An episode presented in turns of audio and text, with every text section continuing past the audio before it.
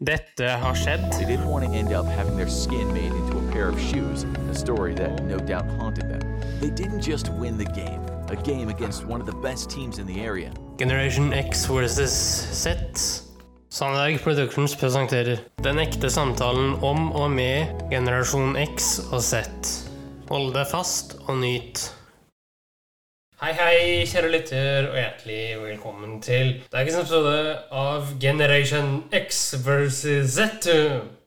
Og eh, i dag, eh, kjære kompanjong Ja. Nå er jeg spent, her, fordi nå har du funnet på noe av det du elsker. Ja, jeg har eh, funnet på noe faenskap. Jeg har ikke gravd så veldig dypt, skal sies. Jeg har funnet masse klipp fra en uh, podkast som jeg personlig syns er veldig bra. Men det er liksom tema å lage. Det, som er, det er jo deg, vet du. Ja, ja da, ja da, det er veldig meg. Det er sikkert flere av lytterne våre som kan sette pris på det eh, i dag. Eh, Det er nettopp religion slash sekter du skal ta for oss i dag. eh, på nå. Ja, I USA. Ja, eller med amerikansk opphav, da. Vi snakker Jehovas vitner, vi snakker Heaven's Gate, øh, vi snakker Vampire Clan, vi snakker Kukelux Klan. Vi skal ikke ta det i dag. Det er litt for alvorlig. Ålreit. Ja. Eh, vi skal ta for oss i dag, så vi ta for oss uh, Johan vitner til å begynne med. Vi begynner veldig pent der. Ok. Og så skal vi ta for oss Heaven's Gate, og så skal vi runde av Ja. eh, litt penere med Amish. Er det sånn snert i innslagene her? Mm, ja, det ene kan det nok være litt snert i. Er det vi skal høre på nå, eller? Ja, Ok. Nå skal vi høre på utdrag fra Sektpodden med Andreas Brøsefskin, Caroline Glomnes Nyt. Han ble drapstruet da han gikk fra dør til dør, og ble sendt ut av landet når klassekameratene skulle feire 17. mai.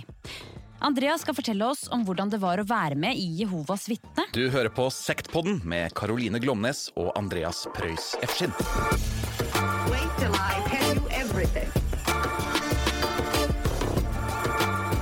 Here you are.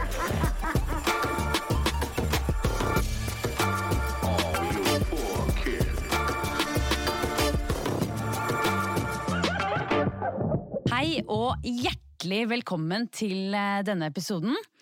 Eh, I dag så skal vi rett og slett eh, komme oss litt på innsiden. Ja, For Andreas, du er jo eh, den eneste jeg kjenner som har vært med i det veldig mange omtaler som en sekt, nemlig Jehovas vitner. ja 14 år cirka. Rett og slett. Det første jeg tenker på når noen sier Jehovas vitne, det er at de ikke får feire jul. Ja, det er riktig. Det andre jeg tenker på, eh, det er at de ikke får feire bursdag. Også riktig. Ja, og det tredje jeg tenker på når noen sier Jehovas vitne, er hun ene eks-Jehovas vitnen som har blitt eh, stripper. Ja, For det har, jeg, det har jeg lest om. ja det stemmer. Eller jeg så et intervju med henne. Ja, For det er jo en del på en måte, avhoppere eller folk som bryter ut av en sånn sekt som går litt andre veien. Ja, Så tar det litt til det litt ekstreme på andre sida, da. ja ikke sant? ikke sant? Men for du er jo veldig åpen nå om at du har vokst opp i et ganske lukket miljø her i Oslo. Ja, jeg er åpen nå, men det tok jo 25 år før jeg på en måte fortalte det til noen. Ja, hvorfor Eh, det? Nei, fordi eh, jeg skammet meg så veldig over den tilhørigheten jeg hadde hatt i barndommen. Mm. Eh, og så la jeg det litt bak meg da, liksom, da jeg og min mor gikk ut av, ut av sekten. Da. Så, Da var du 14. Da var jeg 14 år. Eh, og da fortrengte jeg det litt. på en måte Og så bare tenkte jeg sånn, ok, jeg la det i skuffen, dette skal ikke jeg snakke om, det er ferdig. liksom Et lukket kapittel. Og så var det på en guttetur eh, til Rådås. Eh, Til Rådås, ja. til Rådås, ja. Og det er litt seint å dra til Rådås som 25-åring, det er det jo. liksom. Men da, eh, av en eller annen merkelig grunn, så fortalte jeg da de vennene jeg hadde med dit, Mm. eh, om hele opplegget og oppveksten. da. Var det planlagt da? Overhodet ikke. Det, det kom veldig sånn Det kom- eh, altså det, vi, det, det var ikke noe fyll involvert eller noen ting. Det var tidlig på kvelden, dette her. Ja. Det er bare at, vet du hva? Ja, nå, nå kommer jeg, nå skal jeg liksom renvaske min barndom og bare fortelle. Jeg måtte bare fortelle noen om det. Så deilig å få det ut. Ja, det var det. Men det er jo veldig mange som Eller det er en kjent bevegelse eller, Ja. i Norge. Ja. Eh, men det er kanskje ikke så mange som vet hva Jehovas vitne faktisk er. Nei, eh, man vet vel kanskje at de går fra dør til dør og, og selger, eh, eller deler ut vaktårn og våkne opp og sånne ting, men Ja. ikke så mye mer enn det. Så det må vi jo vi må kartlegge Kan vi ikke bare ta det litt fra starten? Jo. Hvordan eh, startet det, og hva tror de på?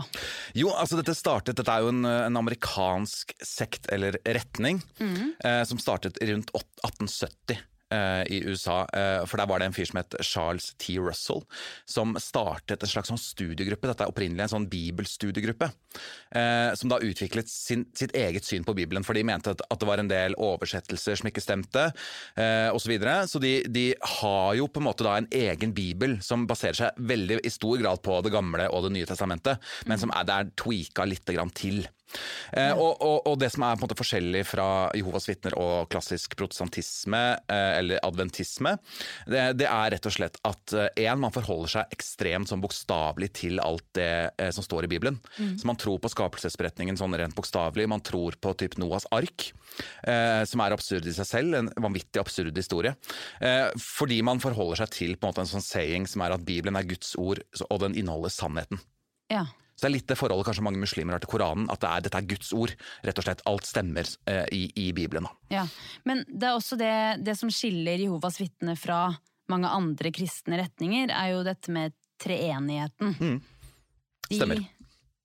Ja, de, de, de forholder seg ikke til eh, en treenig gud. Nei. De mener at dette er på en måte separat eh, Altså at, at Jesus er Guds sønn, Mm. mens Gud er Gud. Det er to forskjellige Ikke, altså ikke mennesker, men to forskjellige skapninger. Ja. Og så er eh, også Den hellige ånd det er Guds virksomme kraft. Så de holder det atskilt.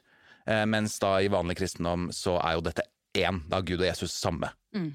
Eh, Så det er én forskjell.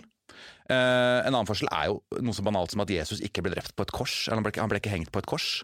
Han ble hengt på en påle, Ja. rett og slett. Eh, fordi, og der handler det igjen om da oversettelsen fra originalspråket. Ja. At det er ikke et kors, det er nok en påle det er snakk om. Så det er, det er litt sånn det er mikroskopiske altså forskjeller, Mm. men det er likevel eh, Så de forholder seg ikke til korset som et symbol, f.eks. Nei. Eh, nei. Ja, det visste jeg ikke. nei. Eh, og så tror de ikke på eh, helvete. Mm. Eh, det forholder de seg ikke til. Eh, Det må jeg si at altså, det er jo noe litt sånn noe fint med det. ja. Men er det mer da, vil du si at eh, man på en måte blir fristet til å eh, være et godt vitne?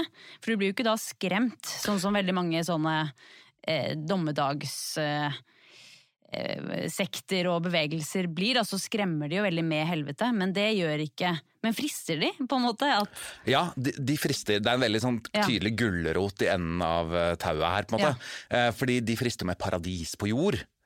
Herregud, altså alle skal leve evig i paradis hvis du er et godt nok vitne. ja, Det er viktig. Ja. For det er også, det er ikke helvete, men det er eh, hvis man er eh, et dårlig menneske, ikke forholder seg til Guds ord, så skal man tilintetgjøres på dommens dag. ja Og jeg vet som, ikke hvor som er det ateistene tror på, ja, altså, på en måte? Ja, altså- at skjer? ja, altså du, men du blir drept mot et svovelregn, oh, ja, omtrent. okay. liksom. Ja, I hvert fall viser veldig mange av bildene de bruker det. da. ja. Eh, så, men, men dette med paradis er jo helt nydelig. Altså, da du skal leve evig eh, sammen med alle dyr eh, i en vakker, på en vakker jord. Ja. Er på en måte da gulroten. Sammen med dyr. Ja, fordi jeg husker veldig godt fra, fra oppveksten så var det i Jehovas vitner, altså i Rikets sal, som er Jehovas vitners eh, kirke, på en måte. Eller undervisningsbygg, kaller man det vel nesten. Eh, der er det veldig lite kunst, det er veldig lite utsmykning. Det er ganske sånn duse farger, jordfarger. Men de har en del sånn kitsch-bilder. Eh, av eh, eh, barn som ligger og koser med, med ma manen til en eh, løve, f.eks. Ja. Som ville dyr som koser altså, det, det, er sånn eh, Det er det bildet som males, da. Ja. Rett og slett. Av paradis.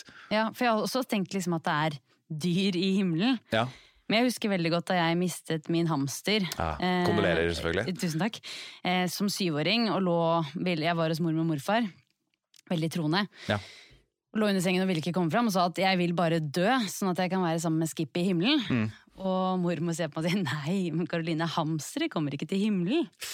Det var veldig det, det, Den var Den, den svei. Ja, Den er tøff, Så jeg tror at som Jehovas vitne og syvåring så kunne jeg akseptert kanskje det dødsfallet litt bedre, da. Ja, For da kan du kose med hamsteren din i, himmelen. paradis. Ja, ja. I, ja. Rett og slett. Eh, For, og, og du sier himmel, fordi eh, det er også Ja. et eh, Ja, ikke sant, det er også interessant, da. Ja. Bare for å ta det også, så er det, eh, det er 144 000 er et nummer man forholder seg til. Mm. For det står i Bibelen, eh, og de 144 000 det er en gjeng utvalgte mennesker Ja. som skal få komme til himmelen og regjere i da på en måte Jesus sin regjering. Ok. Ja, du stusser litt på det. på en måte? Nei, det tror jeg ikke. Nei. det, Nei, for de tror ikke på Det kan vi komme Ja, det kommer vi tilbake til også. Ja. Nei, Men de skal på en måte være med. Jeg er litt usikker på hvordan det fungerer sånn i praksis. Ja. uh, men de skal i hvert fall da sitte i et styrende råd sammen med, sammen med Jesus. Ja. Uh, og dette er jo da prominente på en måte kristne opp gjennom fra liksom Jesus eh, ble drept, og fram til nå. Så det går jo på en måte mennesker rundt på jorda nå som da mener selv at det er en del av de 144 000.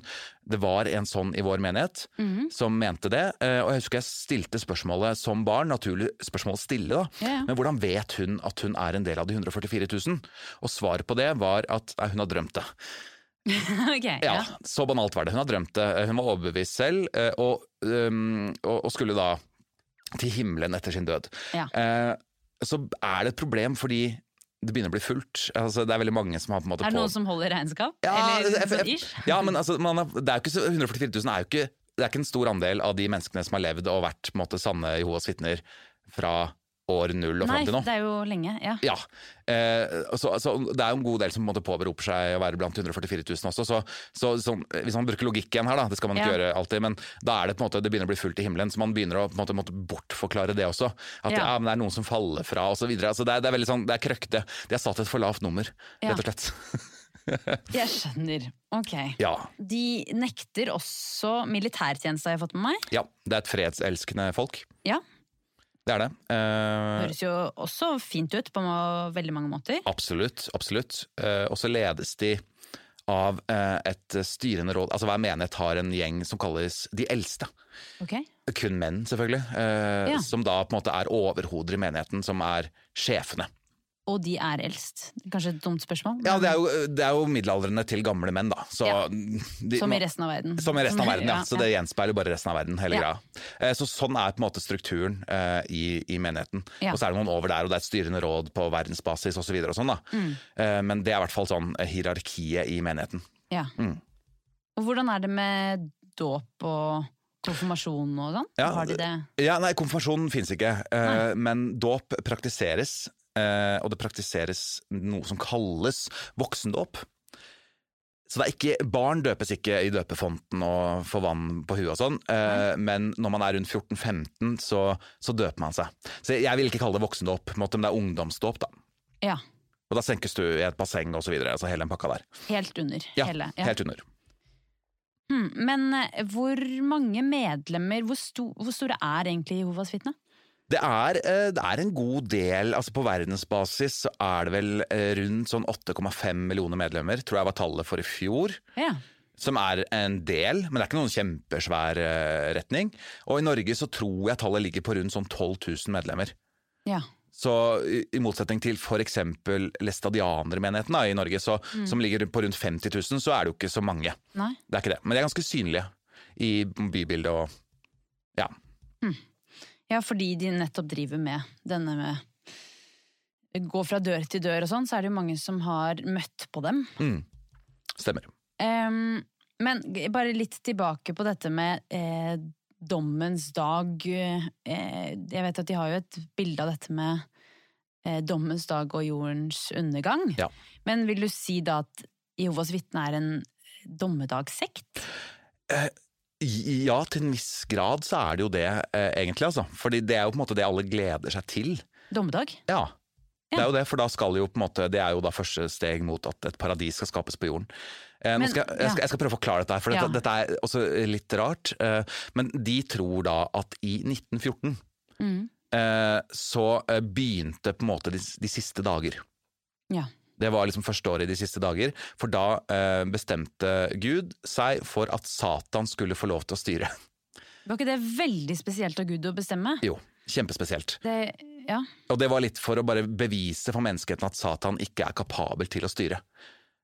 Er i hvert fall den logikken jeg plukket opp som barn. eh, eh, og, og, det, og så prøvde man da i starten å regne seg fram til når måte jorden skulle gå under. Og man trodde, man satt flere på en måte eh, årstall, både 1914, 1918 osv. Det siste konkrete årstallet man satt, det var i 1975. Hva skulle skje? Da skulle det være dommedag? Ja, rett og slett. Eh, og det skjedde jo selvfølgelig ikke. Eh, som førte til at en del eh, medlemmer forsvant. Altså De fikk en liten sånn dupp i medlemsmassen.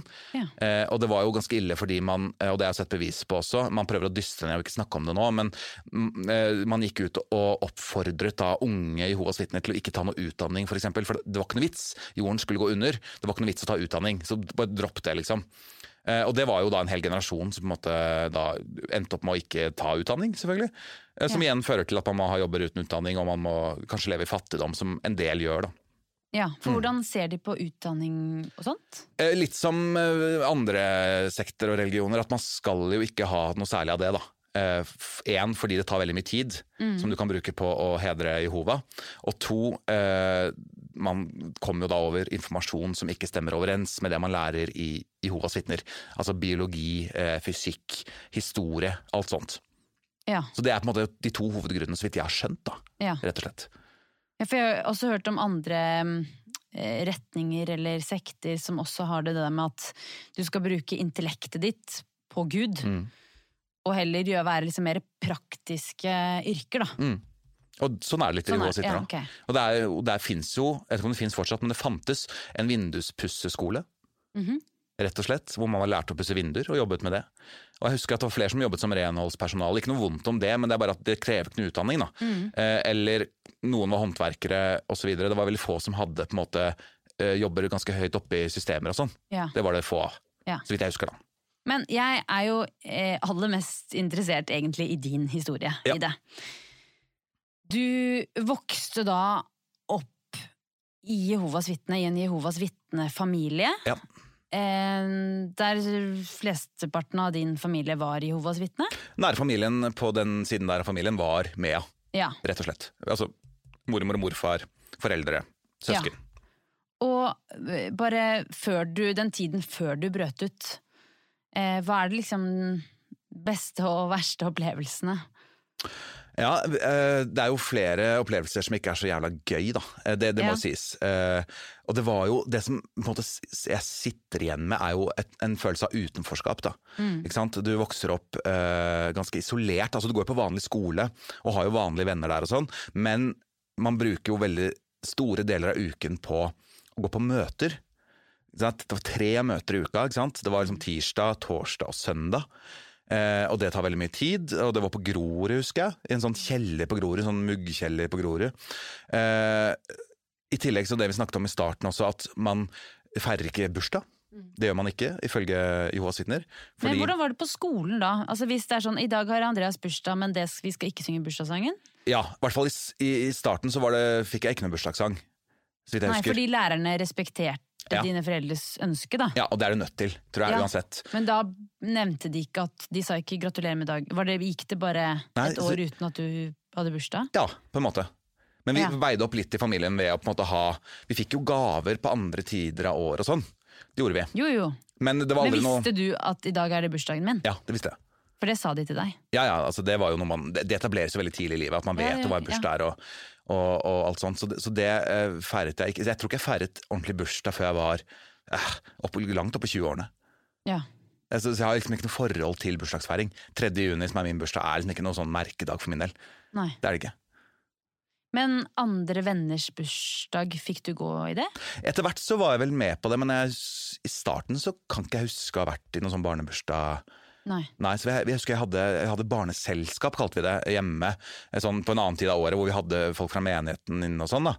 Ja. Eh, og, og kledde oss ut og spiste jo liksom gelé og, og gjorde de bursdagstinga, da. Mm. Men det var aldri på, på selve datoen, nei. Det var det ikke. Nei, Og ikke i nærheten av datoen, sånn at man kunne Nei, jeg tror bli det. tatt for å feire bursdag, på en måte. Ja, kommer politiet innom og Nei, jeg, jeg tror ikke det. Nei. Eh, akkurat det husker jeg ikke helt, men eh, Ja. ja. Men ja, ok, dere feirer ikke bursdag, men eh, som vi sa innledningsvis også, heller ikke 17. mai. Nei. Hva er, eh, du kan jo først fortelle hvorfor dere ikke feirer, eh, feirer bursdag.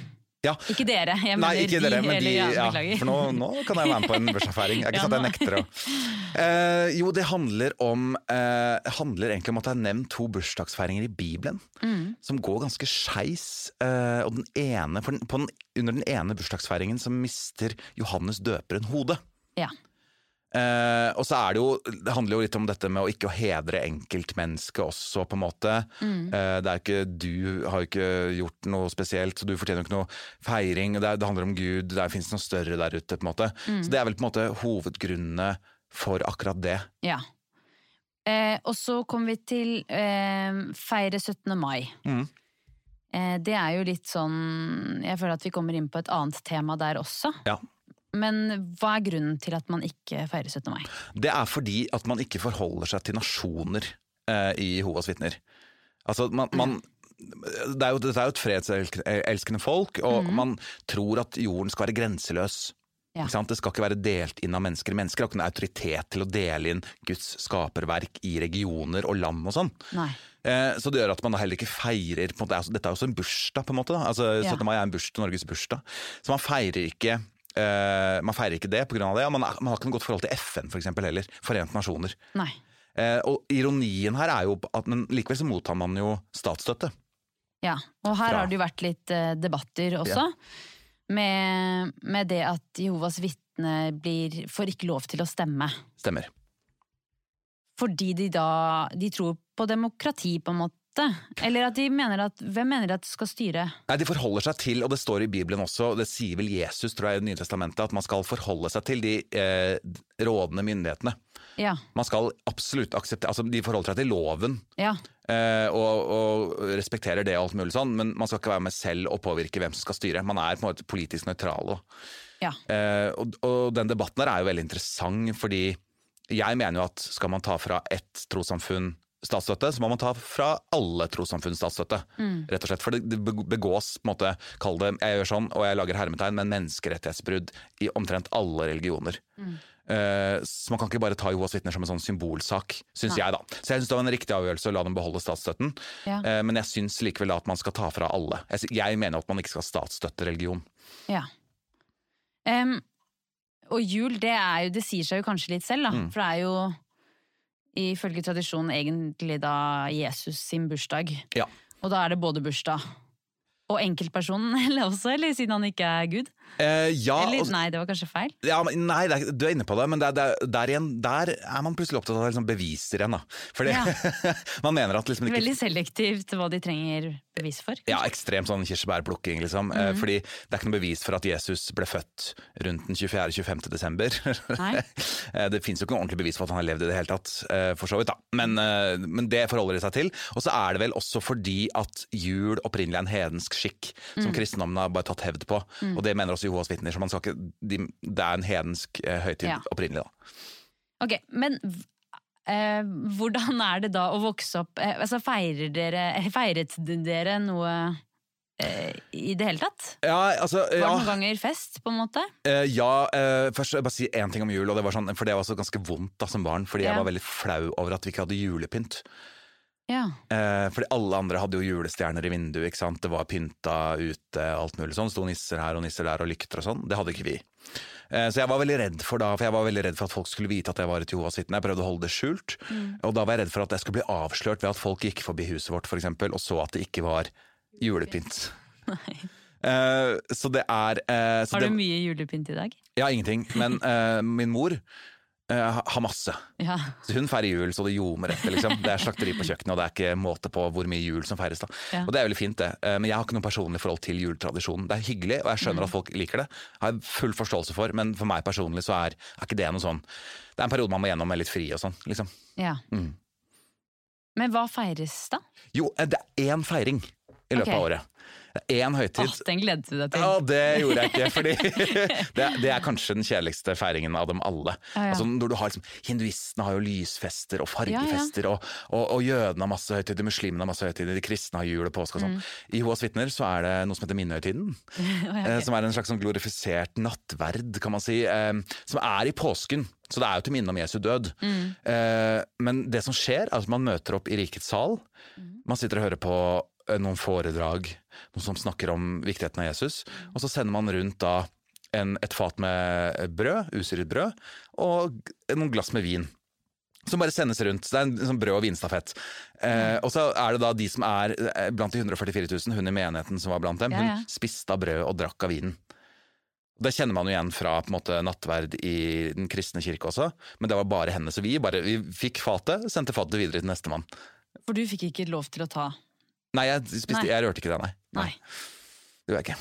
Ok, men um, dette med å gå på dørene til folk, Ja. Andreas. Mm. Um, var du med på det? Ja, jeg var med på det fra jeg var ganske liten, egentlig. Det, måtte, altså det, det, det syns jeg høres veldig, veldig, veldig spesielt ut. Ja. Å ha barn med på det. Kan du, hvordan opplevdes det for deg? Ja, det var jo, altså, sånn, først, altså, Alle er jo pliktet til å på en måte forkynne. Så man har sånne skjemaer hver måned som skal fylles ut. Uh, man har så og så mange timer man må fylle. Og, Altså, jeg har vært bøssebærer. Ja. Liksom. Er det sånn at du har Krysser du av på vi har ansvar for disse, Ja. dette boligfeltet, på en måte? ja, Ja. det er samme, samme opplegg. ja. Og så, er det, så eh, går man da og banker på, og, eller ringer på i blokker, da, eventuelt. Uh, og det var jeg med på fra jeg var veldig liten. Jeg husker ikke helt hvor gammel jeg var da jeg ble med på det, men jeg var liten, liksom. Eh, og det er i hvert fall sånn to, to litt traumatiske opplevelser som står igjen, da. Eh, og det ene, det var Som jeg sa i stad, så var jeg veldig opptatt av å holde min tilknytning til Jehovas vitner skjult fra omverdenen. Uh, og det gjaldt jo de på skolen også. Ikke sant? Jeg var livredd for å møte medelever og osv. Så, videre. så var vi på Bøler og banket på der, og da husker jeg at en av lærerne jeg hadde, jeg tror det kunne stå håndverkslæreren eller noe, lukket opp døra. Eh, og da husker jeg at det, det kan, Den følelsen kan jeg huske fortsatt, hvor du bare stivner til og tenker sånn Ok, hva kan jeg gjøre for å gjemme meg her, liksom? Uh, og så er det jo sånn at uh, når de lukker opp, så henvender de seg til den voksenpersonen først. Naturlig, i og med at jeg var så liten. Så jeg husker at jeg sniker meg da, liksom, jeg bare sniker meg og gjemmer meg bak da den voksenpersonen jeg gikk med. Eh, og liksom huke meg litt ned da. Så jeg er litt usikker på om hun på en måte faktisk catchet at det var meg. Det må hun ha gjort. Ja. Men jeg, jeg, det, det ødela jo selvfølgelig da sikkert eh, flere måneder fram i tid for min del, da, hvor jeg gikk og tenkte på dette på skolen og sånn. Vet. Nå vet alle det. Ja. Ja. Nå har hun sagt fra til alle, og det gjorde hun selvfølgelig ikke. eh, Men jeg, det, var, det frykta jeg da, da. Hva var det du var så redd for med at de skulle oppdage det? da? Eh, At du var annerledes, Ja, på en måte? ja, rett og slett. At det, det, det, var, det er jo jævlig når det er barn, da, å Ja. være annerledes. Eh, og Da er man så opptatt av å være lik de andre. Eh, Så det, det var vel den største frykten, ja. Rett og slett at jeg levde et slags dobbeltliv. da. Ja. Mm. Og du har jo fortalt om også at du Det var noen som også ble veldig provoserte av dere? Ja, og det var mange som ble det, og det Ja. forstår jeg veldig godt. da, Men det var særlig én episode på Tveita. Mm. Ikke Oslos beste strøk sånn i utgangspunktet, og så hadde vi ansvaret for det, så vi gikk dit eh, og banket på der. Da var du 10-12 ja, år, kanskje? yngre, tror jeg. Yngre, ja. Ja. Og banket på der, og så lukket opp en hissig type i ballebukser og singlet, liksom. Altså, du kan se for deg fyren, da. Og sa rett ut, han ble kjempeprovosert, og sa rett ut at eh, det skulle vært skuddpremie på dere i Jehovas vitner. Og det er liksom Hvordan sånn opplevde du det som barn? Jeg ble redd av det, selvfølgelig. Ja. Det var kjempeskummelt. Det var ikke rart at du var redd for at andre skulle oppdage at du var Jehovas vitne òg, når du hadde fått den. Er det sånn verden ser på oss, liksom? Ja, det er sant. Og hva visste jeg? Jeg var bitte liten, og folk har blitt skutt på Tveita før, på en måte. Så det var, det Ja, var jo, ja. om ikke en direkte skudd, nei, eh, drapstrussel, så var det jo jævlig ekkelt å oppleve, da. Det var det. Så hvordan tror du, eller av dine erfaringer, da, det å eh, vokse opp og være ung voksen i Jehovas vitne Mm. nå, Mm. hvordan tror du det er? Jeg tror det er, eh, det er veldig konservativt. Mm. For jeg husker jo eh, veldig godt at eh, på skolen så får man noen sånne toppskole... Eller fikk da, sånne toppskoledagbøker. Uh, hvor det er vennesider, og det er liksom uh, disse er popstjernene hotte osv. Og, så sånn. og så hadde man på en måte en sånn slags sånn lik variant i Jehovas vitner. Det er sånn Når man begynner på skolen og blir litt eldre, sånn, så, så får man jo egen litteratur av Jehovas vitner. Vi hadde noe som het De unge spør. Uh, tilfredsstillende svar. Som var vår ungdomsguide. Eh, og den har jeg på en måte lest i sånn etterkant da, eh, og, og skjønt at det er jo en, det er ekstremt konservativt. Altså, da, da, ta alle fordommene du har mot sekter og putt det inn i en bok, liksom. Ja. Og da, én er jo seksualmoralen i Jehovas vitner, som er sånn selvfølgelig så ikke pule før ekteskapet. Det er strengt forbudt. Men du skal heller ikke date folk. Altså, uh, man skal gjerne da gå på sånn gruppedater okay. med andre ungdommer. Ja. Og så skal man se seg ut en man liker ekstra godt. Eh, og så skal man da gifte seg med vedkommende sånn, gjerne tidlig i 20-årene og få barn veldig tidlig. Altså, så skal liksom ikke leve noe sånt. Så kan sånn ordentlig ungdomsliv så gå rett inn i ekteskap. Ja. Eh, I hvert fall inntrykket jeg har. eh, Som veldig mange gjorde. Eh, I tillegg til det så er det jo selvfølgelig sånn homofili. Er jo strengt forbudt. I hvert fall homofil praksis Ja. er veldig forbudt. Eh, Så det, jeg, jeg tipper at det fins folk som omtaler seg selv som homofile i Jehovas vitner. Tipper jeg finnes, Men de praktiserer ikke. Nei. Rett og slett, Du skal ikke utøve homofili, da, for å si det litt sånn banalt. Ja. Eh, fordi det er forbudt. Eh, og jeg husker veldig godt at Jeg vet ikke om du husker det, men det var, det var noen nyhetsoppslag for kanskje fire år siden, hvor Jehovas vitner distribuerte en del sånn videoer, sånn lærevideoer, til sine medlemmer. Og da var det en animert video av en liten jente som kom hjem fra skolen med en tegning. De hadde fått i oppgave eh, å tegne sine foreldre. Og så fortalte hun om en jente i klassen som hadde tegnet sine to mødre. Og da reagerer jo da moren i denne videoen og sier at, liksom, at det er feil. At det skal være mann og kvinne, et ekteskap skal være mellom mann og kvinne. Og så forteller de en sånn lignelse om at du kommer ikke inn på et fly hvis du har våpen i håndbagasjen. ikke sant? Som er et bilde på at du kommer ikke inn i paradis hvis du har den type grums i Altså, skjønner du? Ja, ja. Så det er jo øh, litt sånn, øh, så det er strengt, og det er til og med så strengt at det oppdaget jeg også for et par år siden at de har en egen stensil på, je- på, på hjemmesiden sine som handler om emoji-bruk. som er en slags guide til emoji-bruk. Du skal ikke bruke røde hjerter. Hva, Eller er- hva er feil med røde hjerter? flørter. Ja, da- kan sende ut feil signaler, ikke sant.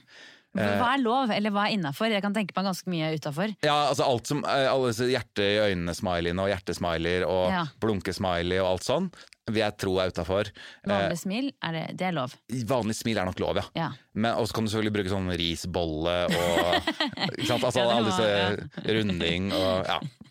Men det var liksom bare gøy og veldig rart å Men se. ikke flagg. Nei, kanskje Nei, jeg har ikke tenkt på er veldig Flagget til Bermuda skal ikke Ja, med i noen det er ikke greit.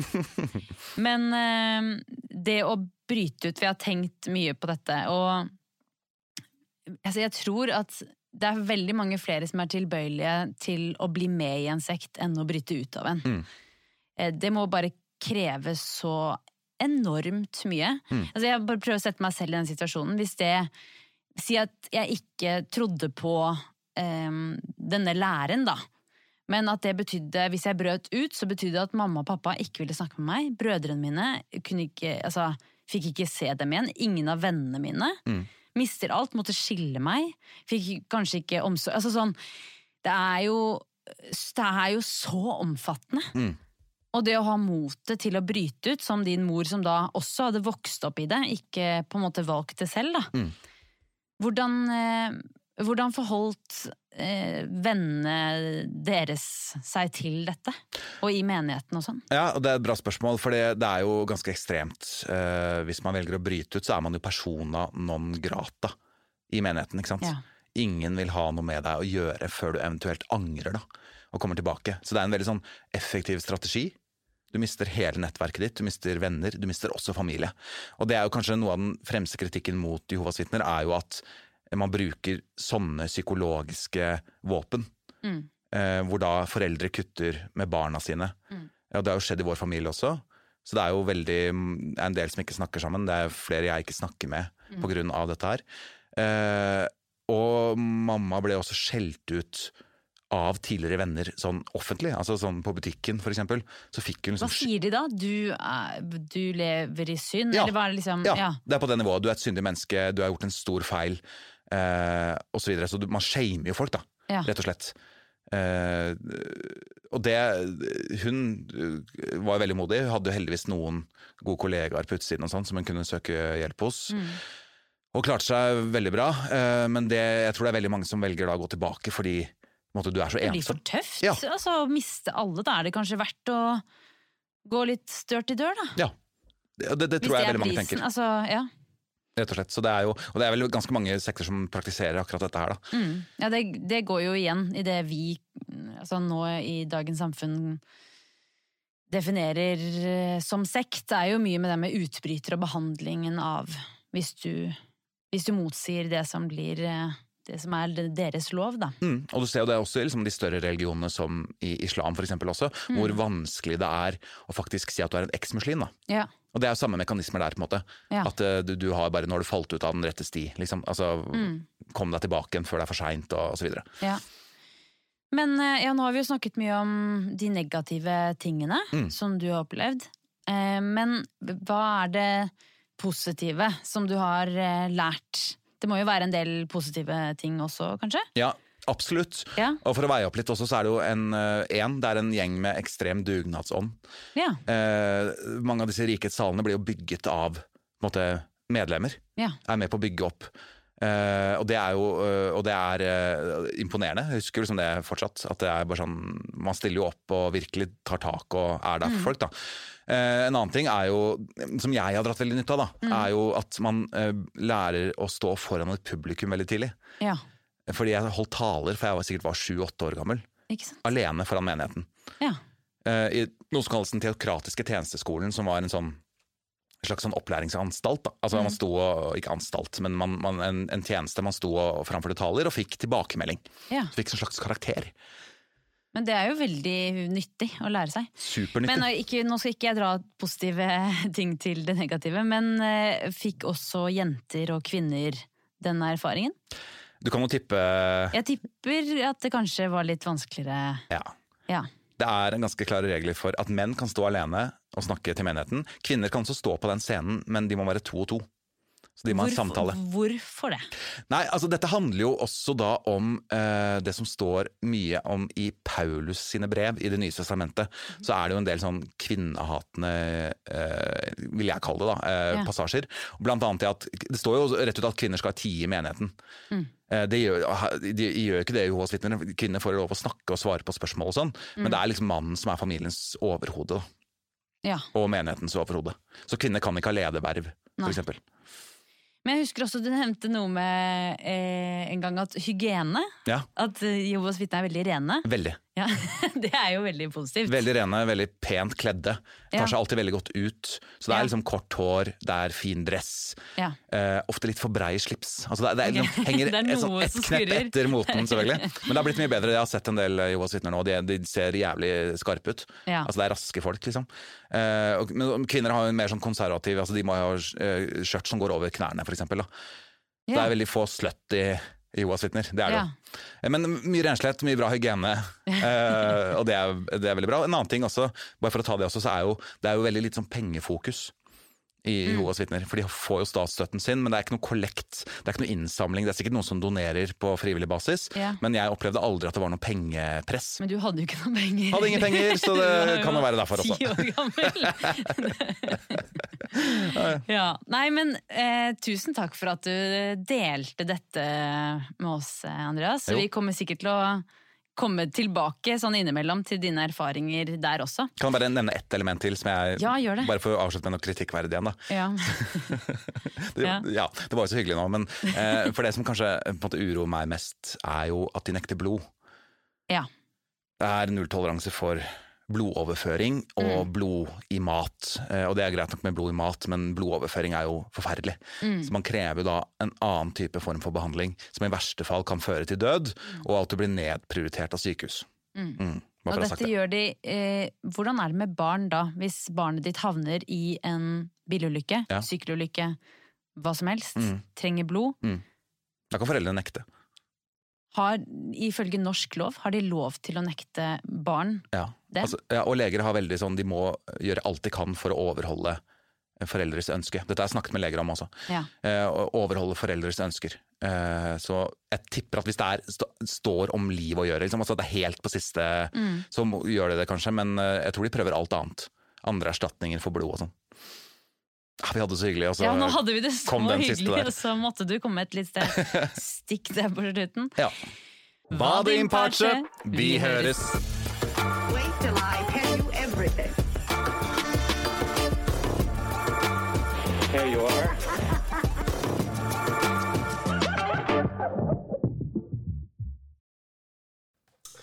Ja, det var en ærlig sak. Ja, eh, den siste der var jo litt skal si om det, da? Ja, altså det er jo veldig kontroversielt dette her med at uh, Jehovas vitner ikke vil uh, ta imot blod eller annen sykehusbehandling. Men uh, hvis vi går litt vekk fra det, da, Ja. og tar eh, sikten inn mot noe som du kanskje husker, eh, Kjell Kommanjo? ja, hva tenkte du konkret på? Ja, vi skal til eh, en eh, selvmordssekt som var på høyden eh, ca. ti år før min tid. Ja, du har vel nevnt det innledningsvis, har du ikke? Jo da. Eh, Kjell på Ja, og jeg kan jo huske erindre eh, deler av det, i hvert fall da jeg var ung. Ja, du kan det. Ja. Da husker vi det som en real crazy spooky thing. Ja, men det var det også. Skal du fortelle litt mer hva du har, gutten min? Ja, altså det, det her var jo en uh, sekt da, som mente at en meteor skulle falle til jorda i 1997. Og når det skjedde, så skulle alle medlemmene, inklusive lederen, begå et kollektivt selvmord. Ja.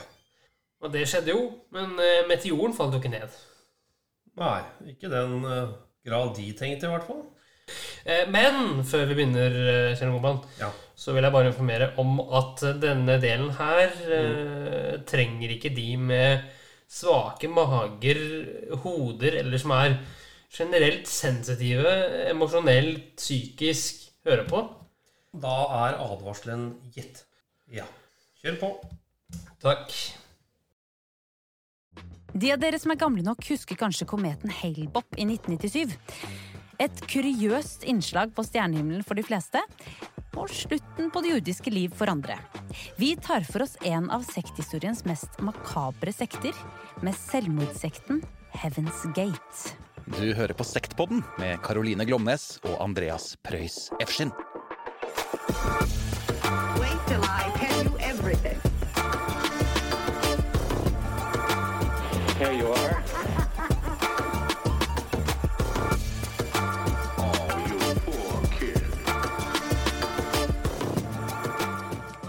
All right. Velkommen! Velkommen til vår jubileumsepisode. Ja, Ti liten applaus. Ja, bitte liten. Eh, ti episoder om ti, eller flere enn det, eh, 12-13 ulike sekter. Ja. Og i eh, dag så har vi tenkt for å gå for selve sektjuvelen i sektkrona. Yes. Karoline, dette er en sekt som mange fascineres av, Mhm. mange kjenner til, og som mange har ønsket seg. Ja. Og det er Heaven's Gate. Det er Heaven's Gate. Ja. Eh, vi kan egentlig bare starte med et bredt spørsmål, Karoline, før Ja. vi går i gang ordentlig. Ja. Hva er ditt forhold til universet? Oi, oi, oi, oi, er, jeg vet ikke hva jeg har Jeg har, ikke tenkt ut noe bra svar på det. Nei, prøv. Det er jo, ja, Mitt forhold til universet tror definitivt masse på liv på andre planeter. Ja. Em, og er jeg blir ikke sånn overveldet av tanken på universet. Synes, jeg blir ikke noe redd av å tenke på universet, sånn som jeg føler at mange blir. Ja, mange blir det. Uh, jeg liker veldig godt å se på stjerner. Ja. Stjernehimmel. Mm. Veldig fascinerende og gøy. Er du god gøy. på stjernehimmeler? Altså, Ja, jeg er ganske god på stjerner. Jeg hadde en app som man kunne ta mobilen opp mot stjernehimmelen. Så viste den deg hvor stjerne, hvilke stjerne... Hva heter det? Stjernetegn som vi var på himmelen. Det er kult. Den var kjempefin. Husker ikke hva den appen het. Nei, for den skal jeg få meg. For jeg har jo lyst til å være en sånn fyr Ja. som kan dra på date. Ja. Sånn utendørs i Ekebergåsen-aktig date. mm. Og peke på et stjernebilde og se sånn Du, det er Lillebjørn. Ja. Ser du der? Det er eh, Storebjørn. ikke sant? Jeg kan ikke så mange stjernebilder, da. Eh, der er Det er dit du kan. Ja, men det er ikke alle Men kan som du de, da? Eller? Nei, jeg kan ikke. Jeg kan Melkeveien. Melkeveien kjenner jeg igjen. Ja. Melkeveien Nei, Karlsvogna heter det vel. Karlsvogna? Ja, er Melkevann er liksom hele Melkeveien og hele galaksen. Karlsvogna Ja. er vel et stjernetegn, så vidt Ja, jeg vet. det Det, er kan jeg kjenne igjen. ja. Men det er ikke så imponerende. Nei. Så jeg skulle gjerne kunnet flere Det kommer litt an på hvilken alder du dater, da. Eh? Noen kunne sikkert synes at det var veldig imponerende. Ja, kanskje. Kanskje Men hvis du dater en på åtte, så syns de kanskje det er imponerende. Ja, Og det gjør ikke jeg. Not so much. Nei. Nei. Og jeg detter ingen på 80 eller Nei. 8, bare så det er sagt. Ja, det er veldig bra å få det på det rene. Ja. Jeg har jo eh, litt mer peiling da, tror jeg. Jeg er veldig, jeg har nesten litt sånn religiøst bilde, nei, mm, forhold til eh, Orions belte. Ja, den filmen med Helge Ordal. ja, nettopp. nettopp den, den filmen. Ja. Nei, de tre stjernene som er på Det kan du begynne å se etter. Ja. Orions belte. Tre stjerner som på rad. Hvordan kjenner du igjen de? Det er tre stjerner som er i liksom, en liten sånn diagonal. Å ja, ok. Sykt fine. Ja. Orions belte. Orions belte. Okay. Den kunne jeg se fra eh, sengen min hvis jeg la meg sånn helt ned på mm, jenterommet mitt. da Så kunne jeg se den alltid sånn ut av vinduet. Å herregud, så fint. Ja, det var veldig fint. Det, jeg, det, det er en lekse til meg til neste podiinnspilling. Finn Orions, belte. Men du, vi ja. må gyve løs. Godt svart på univers universet-spørsmålet, men vi, likevel så er vi nødt til å gyve løs på dagens sekt. Ja. Universet har alltid fascinert oss mennesker. Er vi alene i universet? Hvorfor eksisterer det liv akkurat på denne planeten? Finnes det parallelle universer? Går det aliens rundt her på jorda? Styrer stjernene våre personligheter og våre gjøremål? Og hva i alle dager har kometen Halebop å gjøre med dagens sekt? Jeg er blitt glad i å sette tonen for episoden. Det er veldig fint med deg. Jeg Ja. liker det. Tusen hjertelig takk, eh, for vi skal snakke om en av de verste sektene, eh, mener jeg, da, Ja. i verdenshistorien. eh, og vi skal snakke om mannen bak denne sekten som heter Heaven's Gate, og denne mannen som heter Marshall Applewhite, en musikklærer fra Houston. Og Marshall Applewhite, Caroline, han ble født i 1931 i Texas, og fikk sparken i 1970. Og det var starten på eh, hans eh, sektherredømme. Han hadde da et forhold til en yngre mannlig student. Det er også ganske typisk at, er, altså, at de sektlederne ikke blir anerkjent. Ja. Eller at de får noen sånne stikk, liksom, litt sånn tidlig. Ja, du møter døra i livet, på en måte. Ja. Altså Du får en nedtur, en, kanskje ydmyket på en eller annen måte. Ja, Men når en dør lukkes Så åpner Gud et annet vindu, er det ikke det som er eh, Ja, Gud eller ufoer, kanskje i dette Ja, absolutt. et, eh, et annet vindu. Ja, Ja, nettopp. ja, Mm. så går vi på ordspill, eller ordtak. Ja. Eh, Men uansett så eh, verserer det to ulike versjoner av hva som skjedde med Marshall Applewhite etter at han fikk sparken som musikklærer. Mm. Uh, og jeg vet ikke helt hvilken som stemmer, men det som faktisk skjedde, var at han etter hvert befant seg på et sykehus. Man tror kanskje at han hadde en slags nær døden-opplevelse, men han selv mener at han var på det sykehuset for å møte en kompis Ja. som var sjuk, da. Ja. Uansett så møtte han da på sykehuset Bonnie Nettles, en sykepleier med stor interesse for astrologi. Ja. Astrologi. Og da, Karoline, astrologi, ja. horoskop, stjerner og planeters eh, posisjon. Hva er dine tanker rundt dette temaet? Ehm, altså, jeg syns det er veldig gøy med stjernetegn, da. Ja. Men jeg må jo innrømme at jeg ikke Jeg tror jo Jeg tror ikke på eh, horoskop, men jeg vil alltid lese de. Mm. Skjønner at det kanskje ikke helt gir mening for deg. Jo, på en Men jeg er nysgjerrig. Jeg, vil, jeg synes det har vært veldig rart å ikke vite hvilket stjernetegn jeg var. Ehm, og jeg, jeg er væren, da. Mm. Og jeg føler at det passer meg veldig, veldig bra å være vær. Hva er værens egenskaper? Nei, da, da spør du vanskelig. Men jeg vet at jeg kjente meg igjen i mye. Ja. Ja. Jeg eh, fant jo fram, eh, bare for moro skyld, horoskopet mitt for 2019. Ja. Jeg er en tvilling. Mm. Tror jeg nå. Jeg, altså, jeg er usikker på ja, du kan ha bytt, blitt det, ja. Ja, jeg kan ha bytta, for det kom et nytt stjernetegn nå Ja. for et par, par år siden. Men det er det. Det er veldig mange det er, det er ingen som forholder seg til de nye stjernetegnene jeg har hørt. Okay. Fordi det, altså, de folk har jo tatovert stjernetegnet sitt på brystet, liksom. ja, Kjell å krysse over der og sette på vannmann eller eh, Ja, ja det er ja, nettopp det. tyr. Men du leser, så du har lest et horoskop, ja? Jeg har lest horoskop i mitt liv. Ja. Eh, og det er jo, eh, de er jo eksperter, de som skriver horoskop, til å være bredest mulig. ja. Og ta flest mulig forbehold Ja. i et horoskop. Det som sto om, eh, for det var ulike kategorier for 2019, altså økonomi, jobb og kjærlighet. ja. Eh, og det som sto om mitt kjærlighetsliv i 2019, var Det virker heldigvis som om kjærlighetslivet ditt dette året er mer til å stole på. Om du allerede er i et forhold, ser dette ut til å vare og vokse seg sterkere, og du får, får den støtten du trenger fra kjæresten din. Jeg ble singel i mai. Et sånt voldsomt stygt brudd, egentlig. Eller vondt brudd. Ja, Og en jævlig sommer. det var Ja. Så jeg er glad jeg ikke stolte på det horoskopet. Nei, nei, man skal kanskje ikke stole sånn. Men jeg var på Jeg er jo som sagt Jeg, jeg, jeg liker eh, stjernetegn. Eh, men jeg var på date med en som i løpet av de første fem minuttene eh, spurte veldig sånn eh, Men jeg merket at han var opptatt av det. Mm. spurte hvilket stjernetegn jeg var. Og da, da ble det litt, litt mye, kjente jeg. Litt tidlig å spørre om ja, det, er- det, det er en sånn gøy liten greie å snakke om, men det, når du merker at det betyr veldig mye for vedkommende Mm. Eh, Det var litt med. Det tilhører jo også historien at han hadde byttet navn til Dragot. Hva sa det. Dragot. Ok, eh, som betyr Eh, nei, eh, altså det er faktisk det mest vanlige navnet på kjæledyr i Ukraina. Fant han ut etterpå, da. Men, men jeg, spur, ja, jeg spurte han liksom Så Dragot, hvor er det du er fra? Eh, og han bare hva mener du? Jeg bare nei, men det er jo ikke så veldig det her var i Danmark, da. Jeg bare, det er ikke så veldig typisk dansk navn. Mm. Men han virket jo helt dansk, på en måte. Og han bare å ja, nei, jeg fant ut at det bare kostet 350 kroner å bytte navn. Ja. Så jeg bare ok, men hva, hva het du før da? Han bare Anders. Mm. Og da lo jeg veldig, for jeg syns det var veldig, veldig gøy. Mm. Eh, at han før het Anders. Og det, det skjønte han han, skjønte ikke hvorfor jeg lo av det, for Anders er ikke noe morsomt navn. Nei. men det er jo, det er jo ja, Det var en som var veldig, veldig gøy. Ja.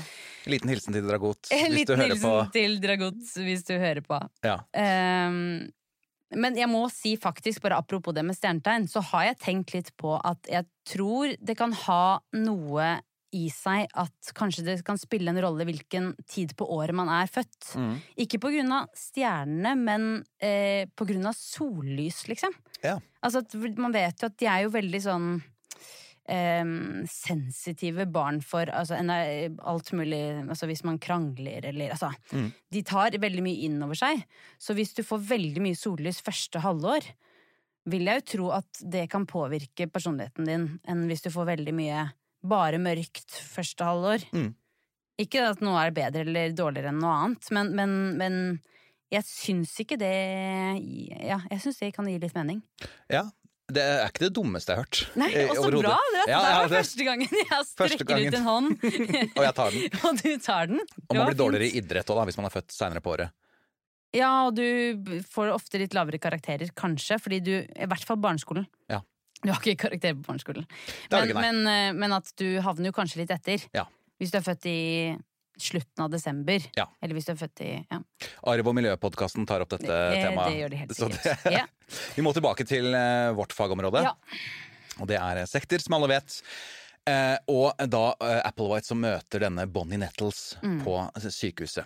De ble sammen overbevist om at de hadde en slags sånn åndelig connection. ja, det syns jeg er kjempegøy. Hvordan de to har sittet og blitt overbevist sammen Ja, om det. de møttes virkelig på alle mulige plan. Ja. Eh, og de kom fram til til slutt, da. De mm. fant en slags felles sannhet om at de var to vitner, beskrevet i Johannes' åpenbaring. Så her er kristendommen inne i bildet. Ja. Eh, og i Johannes' åpenbaring så er det en eh, historie om to pinte profeter som blir drept og senere brakt til live av Gud og Ja. tatt med til himmelen rett før et jordskjelv rammer en by. Så de forlater jorden rett Mhm. før apokalypsen slår til, på en måte. ja. Og de ble overbevist om at de representerte disse to profetene. De ble overbevist av hverandre om dette. Ja. Ja. De fant en felles sånn eh, ja. Ja, den historien der, der passer vi inn, liksom. Eh, eh, for de møttes jo på det mentale plan også, de hadde ganske mange like ideer. Ja. Eh, de fant også på ganske fjollete kallenavn til hverandre. De ble en duo. Ja. De kalte, kalte seg for Boo, eller Bow and Peep. Do, eller Doe and Tea. Winnie and Pooh. Og Tiddly and Wink. Åh, så jeg synes det er skikkelig teit. Ja. ja. jeg er skikkelig teit. Jeg blir sånn derre Det er sånn folkehøyskole, sånn og vi er en duo, så vi Jeg vet ikke. Ja, de hadde en slags folkeskole, de to, føler jeg. ja. Eh, og Tiddly and Wink eh, Altså, Jeg, jeg sjekka liksom hva disse navnene er for noe. Winnie and Pooh er jo greit. Ja. Det er Ole Brumm. Eh, men så har du eh, eh, Tiddly and Wink. Er eh, da et sånt spill Et sånt spill hvor du, du husker Pogs? Ja. Eh, Hvor du har en liten sånn bøtte, og så er det om å slå sånne eh, runde, små eh, plater. Ja, Du bruker slammer for å slå da pogsene oppi denne koppen. Oh, ja. Og det, det spillet heter Tiddlywink. Okay. Eh, og så er det en av disse som også er da navnet Men på en de dette Hvilket årstall var dette? Eh, Dette var jo på 70-tallet. Ja. The Tiddlywink tidlig eksisterte. ute, ja. det tror jeg. Ja. Mens det er også et navn Poggen, på liksom? Ja, Poggen eh, kom. eh, Poggens, egentlig, Poggens historie. egentlig ja, dette er Poggens historie. Pog-podden er også en greie vi kan starte opp etter hvert. Ny spin-off. Ny spin-off. Eh, og eh, også, det, også navnet på en eh, My Little Pony-karakter. Tiddlewink. Ja. Okay. Jeg vet ikke om det Hva du, hva du vet. hva jeg har researcha meg fram til. Ja. Dette forholdet de hadde da, mm -hmm. Bow and Peep, eller Tiddly and Wink, var et forhold uten sex. De var veldig opptatt av å ikke la seg forlede av kjødets lyster. Et platonisk forhold. Men han hadde vel også hatt en, et forhold med en mannlig tillitsstudent? Ja. Så det var vel kanskje ikke så mye kjødets lyster inn i bildet i utgangspunktet. Det kan nok helt sikkert stemme. Og jeg Ja. tipper at han også kanskje følte på en skam. Ja. En seksuell skam. Som han da bare, han vil, nå, nå legger jeg lokk på all seksualitet, Ja. er min teori her, da. Ja. Eh, I dette forholdet så var Nettles selve tenkeren, og Applewhite var den karismatiske pratmakeren. Ja. Og hvis vi tenker tilbake til eh, den aller første sekten vi snakket om, Mhm. det var vel samme Soltempelorden? ja, Ja, dynamikk der. Ja. Og sammen kokte de i hop noe de kalte Heaven's Gate. ja. Eh, og så startet jakten på følgere. De hadde på en måte fundamentet, de hadde tankene klare. Og hva er vel en sekt uten medlemmer? Ingenting. Så de eh, dro til Oregon, eh, mm. på USAs nordvestkyst, der de trykket opp en flyer med store bokstaver som sa ufo. det var, er det det var banalt? taktikken. Ufo. ja. I tillegg så Og da var det fikk de medlemmer, liksom. Eller, Ja. Da ble folk nysgjerrige, da. Folk ble nysgjerrige. Og så Ja. var jo, det var en del sånn konspirasjonsteorier, en del science fiction-utdrag. Ja. Men 150 tilhørere Mm. møtte opp da i Oregon, og hold deg fast, 20 av disse Ja. pakket sammen tingene sine og ble med i sekten. Oi. Og det er bra uttelling. Ja, det er kjempebra. Ehm, og eh, måten de på en måte lokket disse medlemmene med på, i, i tillegg til da denne pamfletten med ufo på, så eh, sier de De sa selv at eh, de var to individer som ble sendt fra det overmenneskelige nivået. Mm. Og at de skulle returnere til det overmenneskelige nivået i et romskip i løpet av få måneder. Ja. Mm. Og dette premisset, altså det, denne tanken, ble etter hvert en sannhet for Heaven's Gate. Mm. At da en ufo ville komme til jorden og ta med seg sektmedlemmene til en ny og bedre verden, et nytt og bedre liv. Et liv de kalte Tela, som står da for det, et, eh, en forkortelse for Mm. The Evolutionary Level Above Human. Ja. Altså overmennesker. Ja. De skulle bli overmennesker i verdensrommet. Det er egentlig også veldig likt med Soltempelorden. Bare Mm. der var det ikke noe ufo inne i bildet, da. Nei.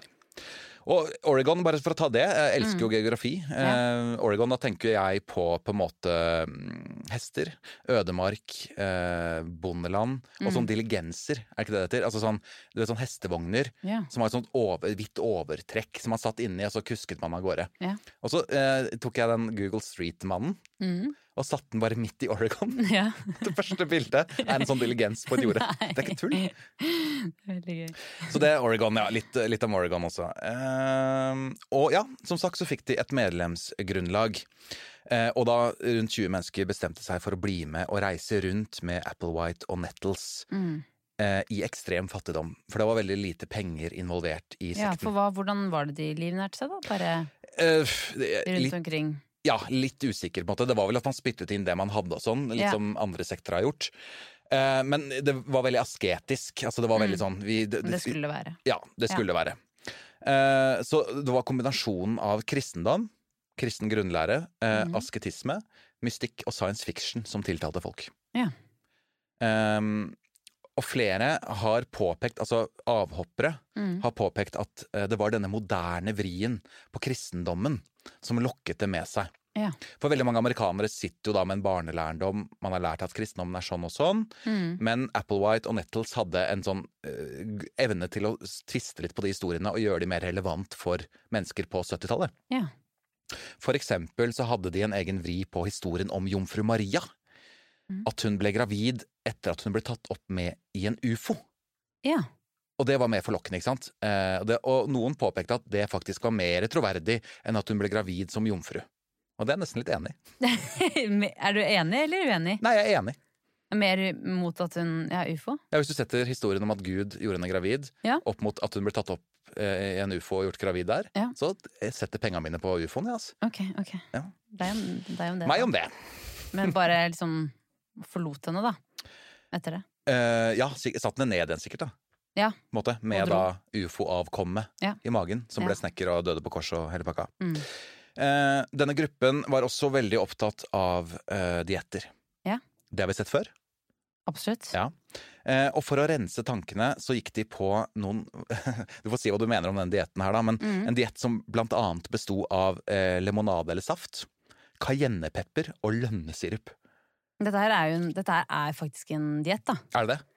Altså, jeg husker at eh, jeg, har, jeg har ikke gått på den selv, men dette her er en slankekur. Mm. Men det spørs hvor lenge de gikk på den nå, da. Opptil tre måneder. Ja, så lenge tror jeg ikke, men det er en sånn, der, er en sånn sitronsaftkur som er cayennepepper og, eh, og lønnesirup. Ja. Og, og, og sitron. Så det her er jo Jeg visste faktisk ikke at det, det, det, De har kanskje ikke brukt det så mye. Nå heter den jo bare sånn sitronsaft, men egentlig så er det Heaven's Gate. Heaven's Gate-dietten. Det er jo, det er jo Jeg syns de har vært ganske tidlig på mange ting. Ja. Sånn for å trekke frem noe positivt, da. ja, og det ser vi senere også, uh, med tanke på internett. Ja. Men tror du det, altså det med disse diettene, var det liksom skalkeskjul for at de hadde litt lite penger, eller? For det er jo Oh. ganske billig altså, å si sånn vi skal ikke spise på tre måneder. Du sparer ganske mye penger på det. Mm, det gjør det.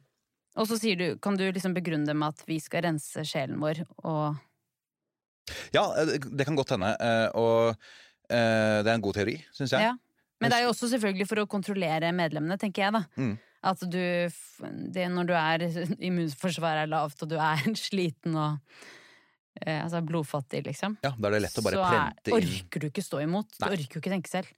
Så et Da blir godt, du bare med. godt grep. Egentlig veldig godt grep for eh, sektledere å kjøre litt diett. Ja. Nei, jeg er helt enig.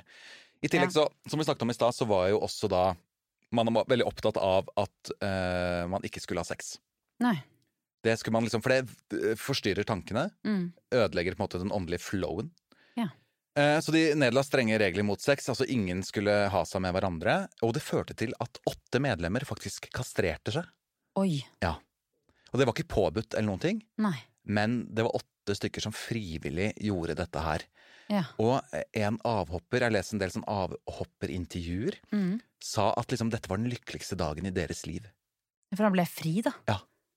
Rett og slett, du Fra kvittet kampen, deg liksom. Ja, du kvittet deg med alle menneskelige lyster. Ja. Det syns jeg er ganske sånn, sterkt å høre. Ja, det var veldig Det er ganske drøyt. Ja. Og så hadde man jo eh, innført et tidsaspekt her. Ok. Hvor da medlemmer av sekten ble fortalt at jorden var i ferd med å bli renset for mennesker. Ikke Ja. sant? Apokalypsen var nær. De Ja. trodde på en slags sånn at jorden gikk i sykluser. Mm. At den blir renset, og så oppstår det nytt liv og sånne ting. Mm. Så det var viktig at man ble plukket opp av et romskip før apokalypsen Ja. inntraff, da. Dessverre så ble det stukket kjepper i hjula på denne planen. Mhm. Fordi denne sykepleieren Nettles ble rammet av kreft ja. før de kom så langt. Da er vi på midten av 80-tallet. Mm. Og dette ble et stort problem for Applewhite. Han fikk et lite forklaringsproblem. Blant annet med det han hadde profetert før. Ja, for han hadde sagt at ingen skulle trenge å dø. Ja. De som var med i sekten hans. Ja. Ja. Det var ikke noe selvmordssekt i utgangspunktet. Nei. Man skulle bli hentet av ufoen levende. Ja. Men da Nettles døde, så måtte han tenke kjapt. Mm. Og han begynte da å, å forklare medlemmene at Nettles sin ånd hadde Mm. forlatt hennes jordiske kropp. Og at hun da hadde på en måte nådd des, dette tela, Ja. og var der oppe og styrte der. Mens da eh, Marshall Applewhite ble værende på jorda for å rydde opp her. Ja. Mm. Eh, så eh, Applewhite hadde jo fortsatt ting han skulle gjøre her på jorda. Han skulle guide sektmedlemmene, Mhm. og det hadde jo da sine konsekvenser. For vi går til mars 1997. Som også da var vel et merkeår for Vi stussa på det. Sist så så snakket vi om det, at Mm. det var så rart år. Men kanskje det ikke var så rart, da. Nei, det var ikke så rart, eh, for i 1997 så samlet alle medlemmene av Heaven's Gate sammen det de hadde tjent på webdesign. Blant Ja. annet. For de drev altså, de, Ja, dette var De drev mye med det. Ja, de gjorde det. For Ja. dette var jo eh, Jeg tror det var en del eh, programmerere og utviklere med i sekten. Ja. Og de var veldig tidlig eh, Vi snakket om det i stad, så de var tidlig på ballen. Mm. Også når det kom til internett. Ja. Så de brukte internett aktivt som markedsføringskanal. Og det som er litt ekkelt her, Karoline, er Mm. at den hjemmesiden deres, Ja. Den eksisterer fortsatt. ja, vet du hva. Den finner du på nett. eh, På heavensgate.com index.html. Hashtag keys er eh, adressen dit. Det var veldig Jeg har, jeg har vært inne og sett. Den, den ser jo ikke så skummel ut, egentlig. Nei. Man ser at den ble laget på 90-tallet. Og dette kommer vi til å legge ut bilde av på sekt.podden også. Ja. Det er jo fryktelig glorete. Altså, det er, Det er veldig sånn glorete. Pixo-nivå, Ja, ja. liksom. Ja. Hadde du Pixo-konto? Nei. Mange hadde det, husker jeg. Ja. Uh, vi hadde en hjemmeside husker jeg, på ungdomsskolen Ja. som vi kalte Gnomgalleriet. Okay. Som egentlig bare var ja, det, det, Som var en egen hjemmeside for dere, liksom? ja, jeg og en kompis som het Gaute. Ja. Vi la ut bilder av alle klassene klassen og skrev små tekster om dem. og sånn. Det var veldig koselig, da.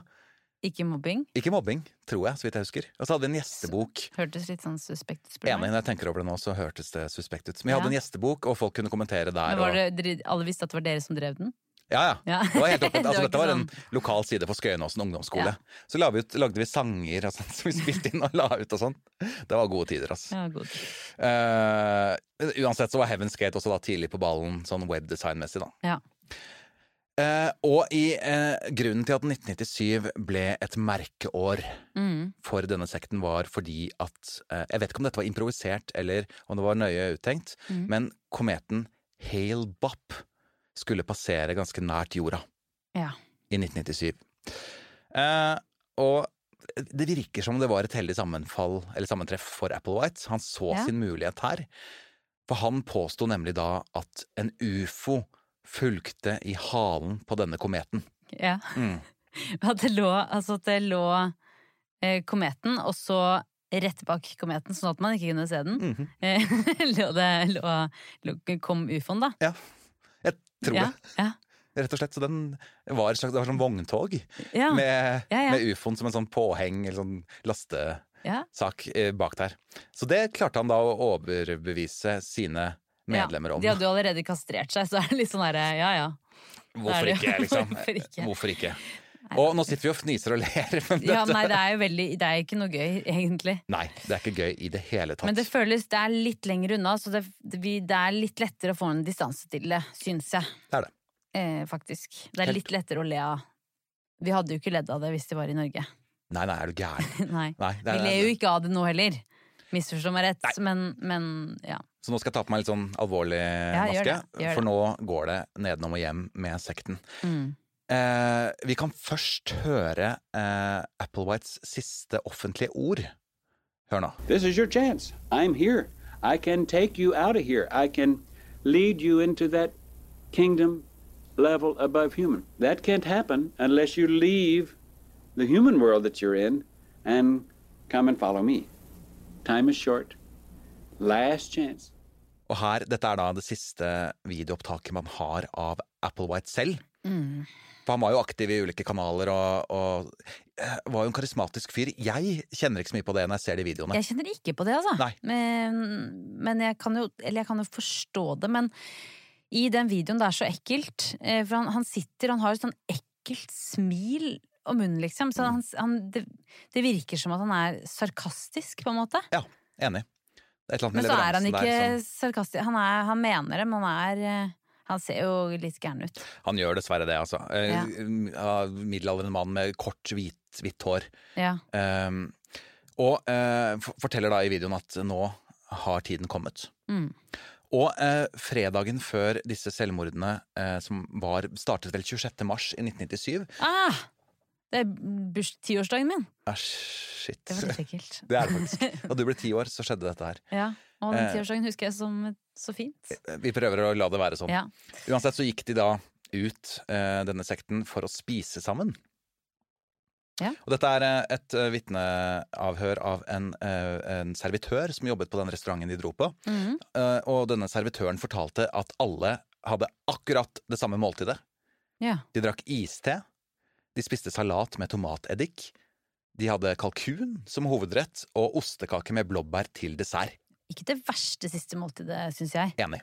Jeg hørte i hvert fall de to siste her. Og da skal du få et spørsmål, selvfølgelig. Nei, det er jo- jeg vet ikke. Sikker? Ja, Hva er ditt, eh, hvis du må velge, ditt siste måltid? ta du først. Skal jeg ta først? Ja. Jeg tror jeg går for noe så enkelt som eh, pølser og potetstappe. Oi. Som er noe av det beste jeg vet. Ja, nei, jeg skulle hatt noe sånn vilt nå, tror jeg. Viltgryte. Nei, ja, ja, kanskje noe sånn, sånn vilt, ja. Ja. Jeg tror jeg måtte hatt noe kjøtt, ja. Ja. Enig. Pølser og potetmos her, og viltgryte. Ja, Hos deg. Ja, vi, vi, kan, vi kan gå for det. Vi går for det. Men de spiste kalkun og spiste ostekake med blåbær til dessert. Mm. Og så eh, gikk de eh, hvert til sitt. Eller de gjorde det ikke, de dro hjem sammen. Og ja lot det stå til. For 26. mars så eh, tok sektmedlemmene en miks av eh, barbiturater. Ja. Noe som bedøver sentralnervesystemet. Altså, barbiturater eh, Jeg er veldig glad i å lære meg nye ord. Mm. Dette, jeg har aldri hørt om dette før. Ikke jeg Så dette går rett inn på min topp fem-liste over, eh, over ord. Ja. Artige ord. Um, Men det bedøver altså sentralnervesystemet. dette ble inntatt sammen med eplesaus og vodka. Ja.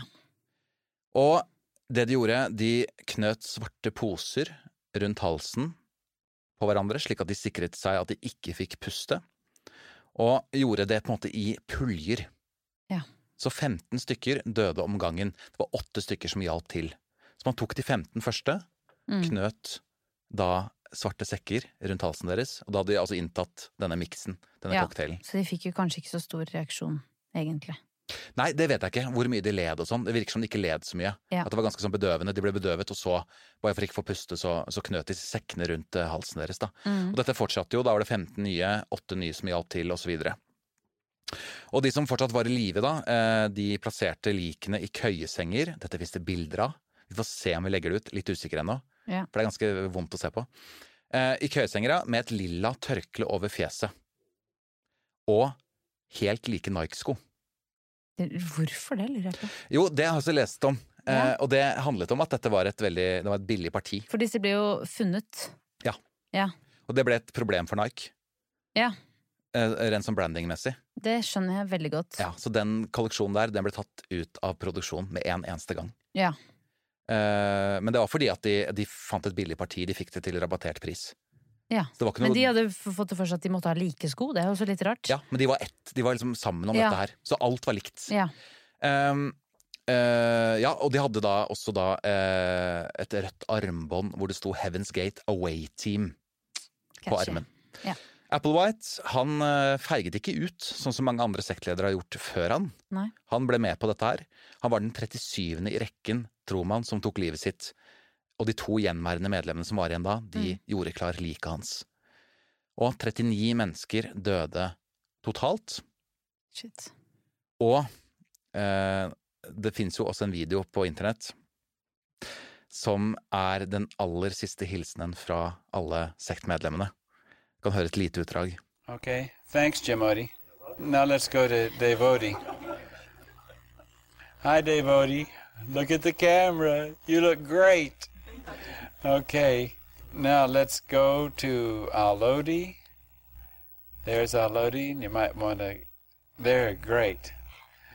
Okay, Alodi's done a lot of our super artwork on our website, and the uh, illustrations you'll really enjoy if you turn into tune into Heaven's Gate website on the internet. Okay, let's swing over to. Og dette her syns jeg er fryktelig ekkelt. Det er veldig, veldig ekkelt. Bare for å forklare, så De har et kamera, og de går fra sektmedlem til sektmedlem. Alle er eh, kortbarberte på hodet. Mm. Og så forklarer da, jeg tror det er Applewhite som forklarer kjapt hva slags funksjon de hadde i gruppa. Sånn, tusen hjertelig takk for at du hjalp til med å webdesigne siden vår, osv. Jeg anbefaler ikke å se den, men hvis du er nysgjerrig på mer, da, så kan det være verdt å ta en liten titt på den. Ja, men den er mer, den er mer eh, hva skal jeg si, ekkel Ja, enn den er eh, altså, Den viser ikke noe Altså, ja. Viser ikke noe skummelt, Nei, det er mer stemningen Ja. som er ekkel, og så er det veldig ekkelt fordi man vet at etterpå så gikk de og tok livet sitt. Og du reagerte veldig, veldig på, på måte, lynnet til disse som var med. Ja, veldig. Det, det var noe sånn Nei, jeg vet ikke. Det var noe bare- salig ja, over det. Ja, det var det. Det er, det er noe sånn litt sånn fårete smil. Ja, når liksom vi har forstått noe De, de, ser, de ser hjernevaska ut, liksom. Virkelig. Og de har jo en uniform på, en slags sånn kjeledress, Mm. eh, med et sånt emblem som de er veldig stolte av. Som Ja. også ser ut som det er designet fra noen fra media valgfag, for å være helt ærlig. da. Ja. Eh, så det, og og det, dette var jo på en måte den siste videoen de sendte ut i universet, Mm. og så ble de funnet døde. Rett og slett. Så det er, det er historien om Heaven's Gate. Og det var vår tiende episode av Sektpodden. Vi er tilbake om en uke. Det er vi. Spennende å se hva vi Hver mandag. Hver mandag kommer vi Ja. i din podkast-feed. Husk å følge oss på Instagram. Ja. Og der heter vi Sekt.podden. Ja. Og eh, gå gjerne inn og abonner på iTunes eller Spotify. Mm. Og rate oss gjerne. Veldig gjerne. Veldig gjerne. Eh, og skriv gjerne kommentarer. Er, og det er også veldig koselig å få disse, disse både tips og hilsener i, i innboksen vår. setter vi kjempestor pris på, og det mener vi. Ja, det er Virkelig. Det gir oss skikkelig motiverende. motivasjon, ja. Jeg er Ja. helt enig. Vi høres om en uke. Bade in parce. Vi høres! Wait till I tell you everything. Here you are.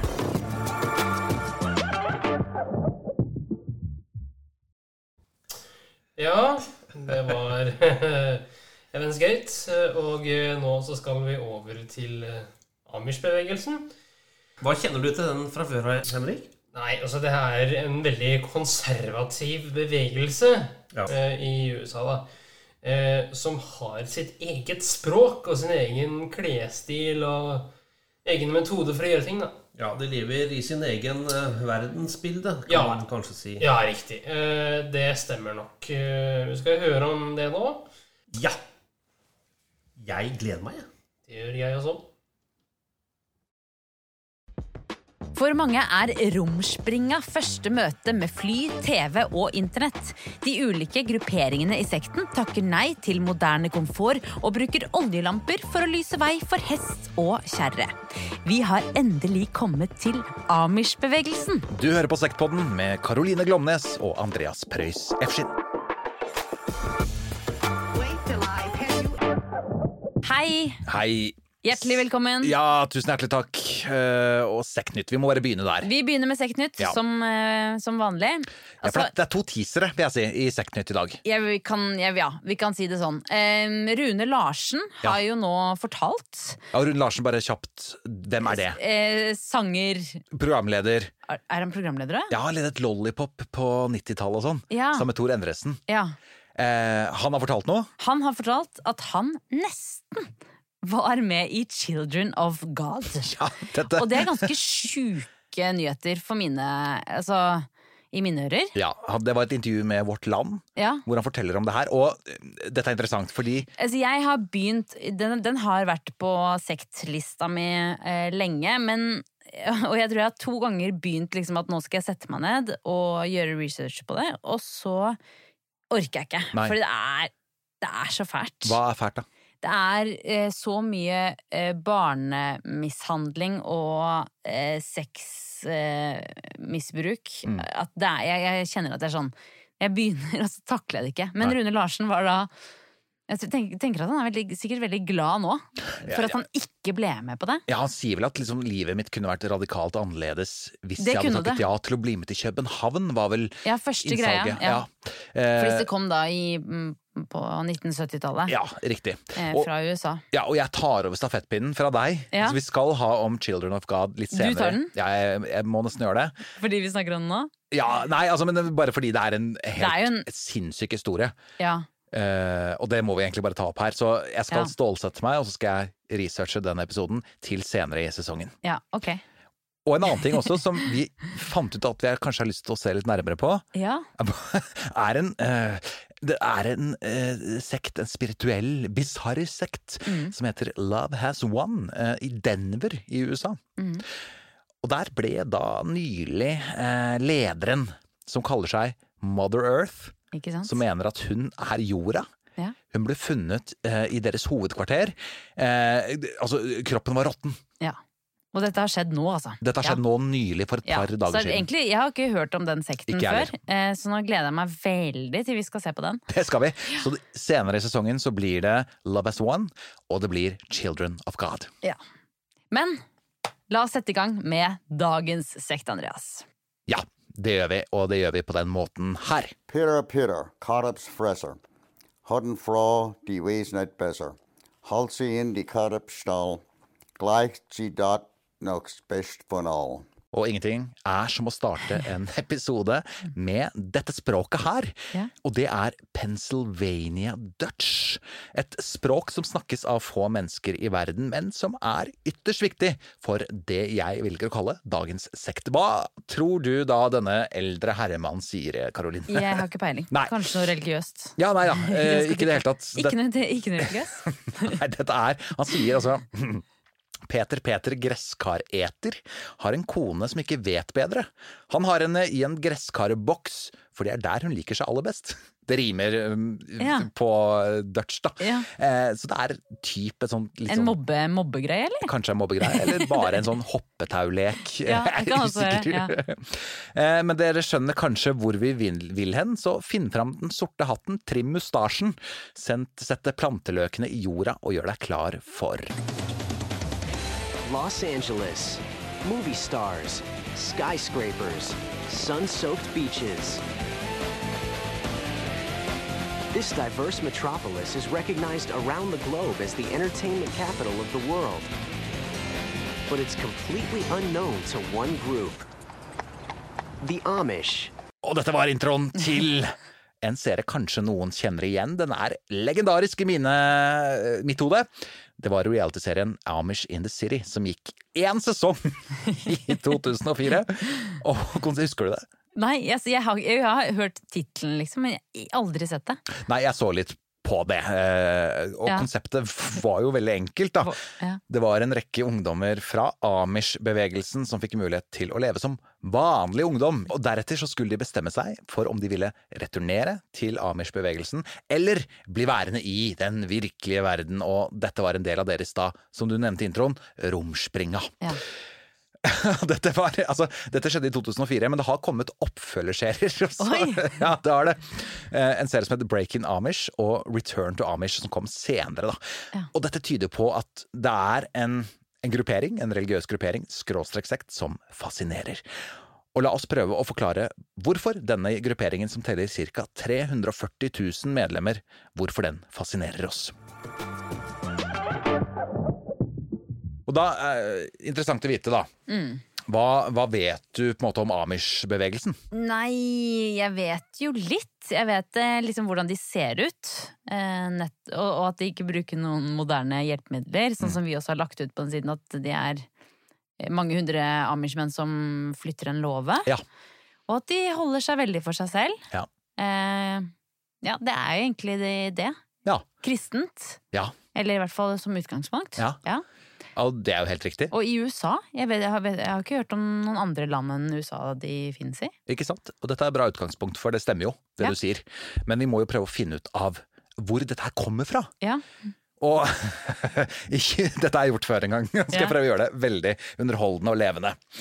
I 2017 så klarte jeg å fylle faktisk en teatersal med folk som frivillig hørte meg kødde og rote med den kristne reformasjonen. For det er dit vi skal. Vi skal tilbake til den kristne reformasjonen. Kjøpa. Ja, greit. Tusen hjertelig takk. Vi må begynne med mann, myten, legenden. Martin Luther. Martin, hva har du på han? Nei, kjør på. Han er en, han er en reformatist, hvis det heter det. Eh, En ganske sånn muggen fyr, så det ut som på bilder. De gangene han har malt. Men alle, alle skulle, man skulle se muggen ut på bilder Han ser før. ekstra muggen ut, altså. Nei, alle har nedovermunn. Det er greit. Det er ikke noen som smiler på bilder før Nei, på hans- liksom 70-tallet. Og i hvert fall ikke 1517. For Nei. var, vi er nemlig i det herrens år 1517 i en by. Og dette har dere sikkert hørt om på skolen. Altså, byen heter Wittenberg. Vil du sette det på kartet, Karoline? Nei. Nei, det ligger midt imellom Leipzig og Berlin, mot øst i Tyskland. Og det Martin Luther fikk for seg, da, mm. det var, eh, og det har preget kristendommen noe helt ekstremt, også bynavnet til Wittenberg, eh, for den heter også Lutherstad, som er sånn undertittel på byen. Ja. Wittenberg, undertittel Lutherstad. Em, og han fikk for seg at han ville da reformere kristendommen. Um, og dette var uh, perioden da etter korstogene og katolisismens herjinger i Europa. Mm. Ikke sant? De hadde jo tvunget da sin religion på veldig, veldig mange mennesker. Og omtrent alle som var kristne, var jo katolske, da. Mm. Eh, eller ortodokse i øst. Eh, og det mente Luther var veldig provoserende. Og han ville da fjerne alle omveier mellom Gud og menneske. Altså i hans hode fjerne alt dildal. Ja. Og hva tror du jeg mener med det? Nei, det er sikkert fjerne de katolske skikkene, da. Ja. Altså alle Ja, disse altså helgener og Mm. Det er jo veldig mye tradisjoner. Helt ekstremt mye. Og helgener er helt riktig. Altså man skulle snakke direkte med Gud, Mm. ikke gå via en eller annen hellig person. Det kan man jo også gjøre i, når man er katolikk, da. Det er jo ikke sånn Ja at man må gjennom en helgen. Men ikke på den tiden her, tror jeg. Jeg tror det var ganske Nei, sånn strenge ok. eh, regler. Eh, så det holdt å tro på Gud og Jesus Mm. for å få frelse, og ikke hundrevis av sakramenter og riter. Og så var han megaskeptisk til avlatsordningen i den katolske kirke. Ja. Altså det at man kunne betale seg fri for synd. Mm. Det falt ikke i smak hos Luther. Nei. Ikke i det hele tatt. Og det var jo smart av katolske kirke, det er jo klart det å påføre mennesker synd, og så la dem betale seg ut av synden, er jo en ganske smart businessidé. Um, og det han gjorde da, var at han lagde nye regler teser. Eneste gang jeg vet at man bruker ordet teser, Mm. er den sammenhengen her. Og han spikret opp 95 teser på døren til kirken i Wittenberg. Ja. Lite sidenotat. Man er ikke sikker på at han gjorde akkurat det, da. Nei, Det men liksom aldri- ryktene. Ja, ryktene vi hadde til at han Det var noen som sladra. Ja. tok fram hammeren og klistra opp disse, denne lappen av denne tesene på. Mm. Og det var på en måte, uten å gå mer inn i det, så var det startskuddet for en voldsom spredning av ulike kristne tolkninger. Og en av de retningene som dukket opp til slutt, tok navnet anabaptistene. Ja. Eh, ana betyr igjen på gresk, og baptist, altså det er jo altså gjendøpt, da, er egentlig rent oversatt det, det ordet. Og en av fanesakene deres, ikke sant, her handlet det ofte om å definere kristendommen Mm. eh, på, litt, på en ny måte, finne nye vinklinger på ting, da. Mm. Eh, og deres vinkling var at de ønsket voksendåp, for eksempel. Og det er jo litt fint, kanskje, da, at man ikke skal på en måte døpe Ja. barn. For dåp i altså katolisismen så er dåp et sakrament. Ja. Selv om det ikke er hundrevis av sakramenter der. Nei, ikke sant. Men uh, det er jo ett av de. Ja. Som han da ville fjerne. Ja, det kan du godt Mm. si. Uh, men likevel så fikk dåp leve videre, da. Men Ja. ble, til voksendåp. Ja. Uh, som man også praktiserer i Jehovas vitner, forresten. Ja. Bare at da er man 14, altså. Det er ikke voksent. Det må bare sies. Um, ja, eh, og de mente da også at ingen er ansvarlig for eventuelle syndige handlinger man begår før man er gammel nok til å skjønne forskjellen på rett og galt. Ja, den er vag! Dette var anabaptistenes uh, Ja, ja. uh, vinkling på det. Men noen lærer jo aldri det. Nei da. Det Er det ikke sånn gutter, gutter, blir, gutter sin hjerne er sånn ferdig utviklet når de er 25 eller sånn?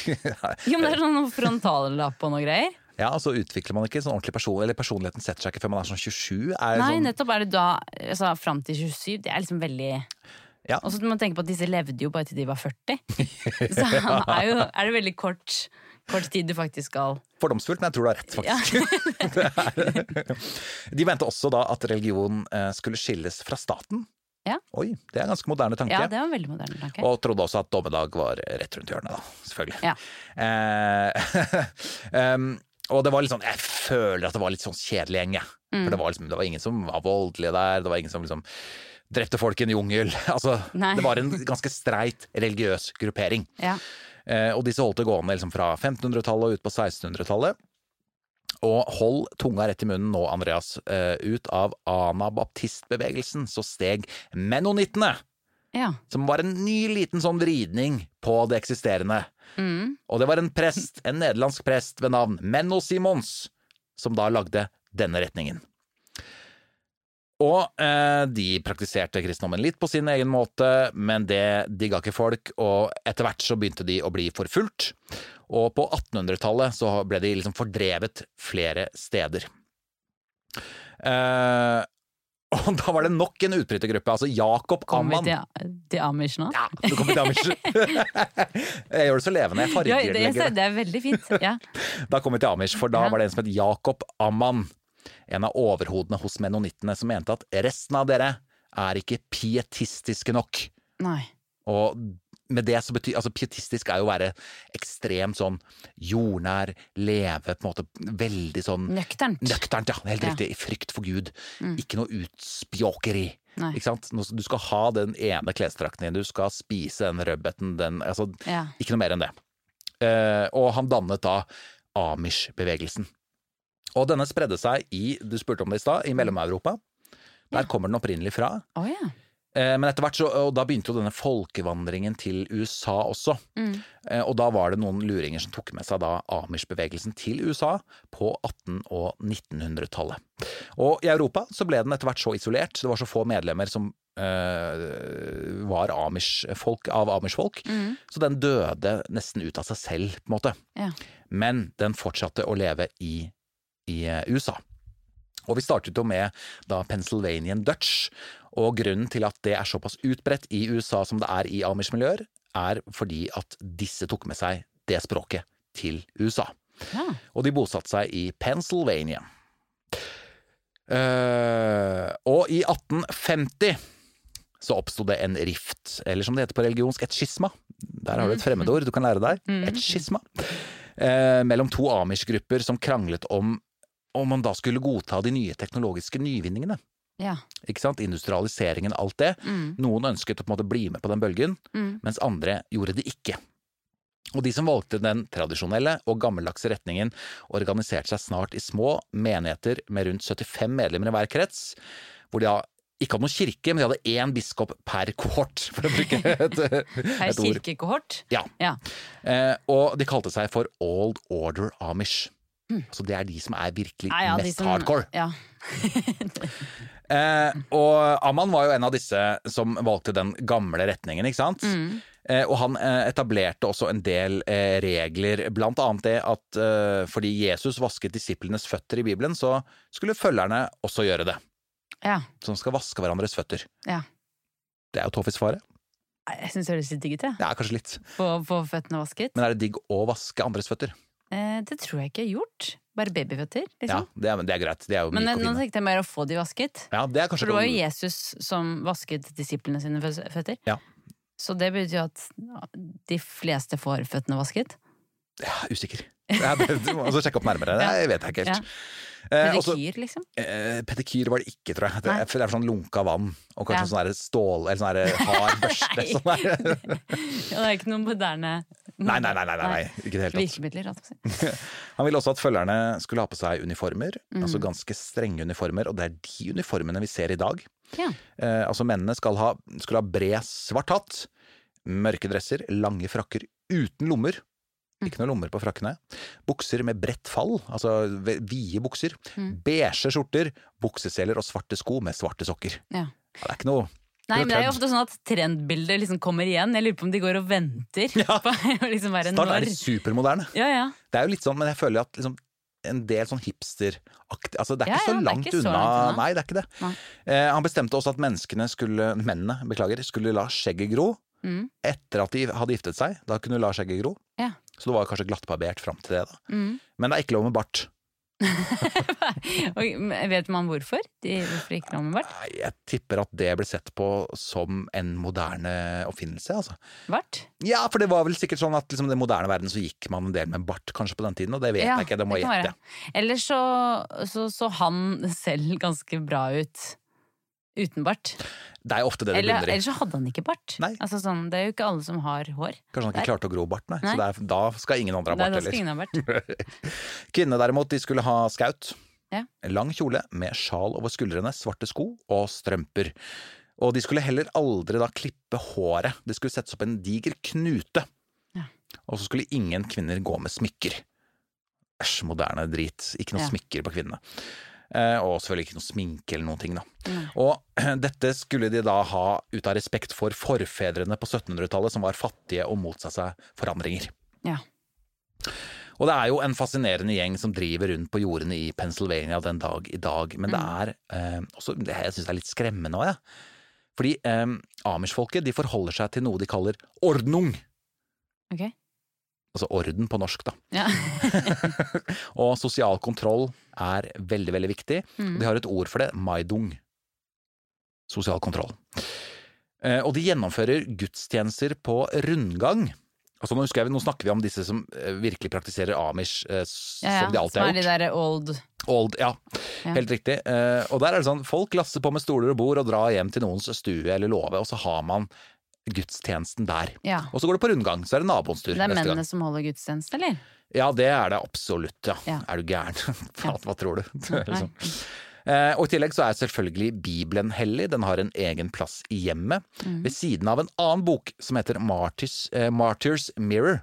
Som er en slags sånn slektshistoriebok om prominente menonitter og amish-folk. Oh, ja. Ja, så det er, er jo to litt kjedelige bøker måte, som har fått hedersplass hjemme, da. Har du lest den Bibelen er- Nei. Nei, det, så du, det syns jeg du skal. Ja, jeg burde gjort det hvis Ja. jeg skulle gjort en ordentlig god research. Ja. Men da måtte jeg lest meg gjennom så mye sånn, sånn Han var far til han som satt turnix i den åkeren, Ja, det det vet du ikke, for du har ikke lest den! Kanskje den er en bestselger, hva vet jeg. Hva vet du? Bibelen har jeg lest, da. Um, og apropos lover, som du sa i stad. uh, Mm. Jeg har lagt ut video av Amish-folk i sving når det kommer til låveflytting. Ja, det er veldig gøy. Kjempeimponerende. Ja, De har noen Guinness-rekorder der. Ja, det må du jo ha. Ja. Bare forklar kjapt hva du gjør på den videoen. Eh, på den videoen så er det, jeg tror det er 500 amish-menn Mm. som rett og slett tar tak, løfter en låve og flytter den Jeg vet ikke om det er en Det er jo knappe kilometer, kanskje? Noe sånt. Det er så langt, Ja, ja, det er langt. Ja, Og i alle dager. Ja, ja, de er på vei.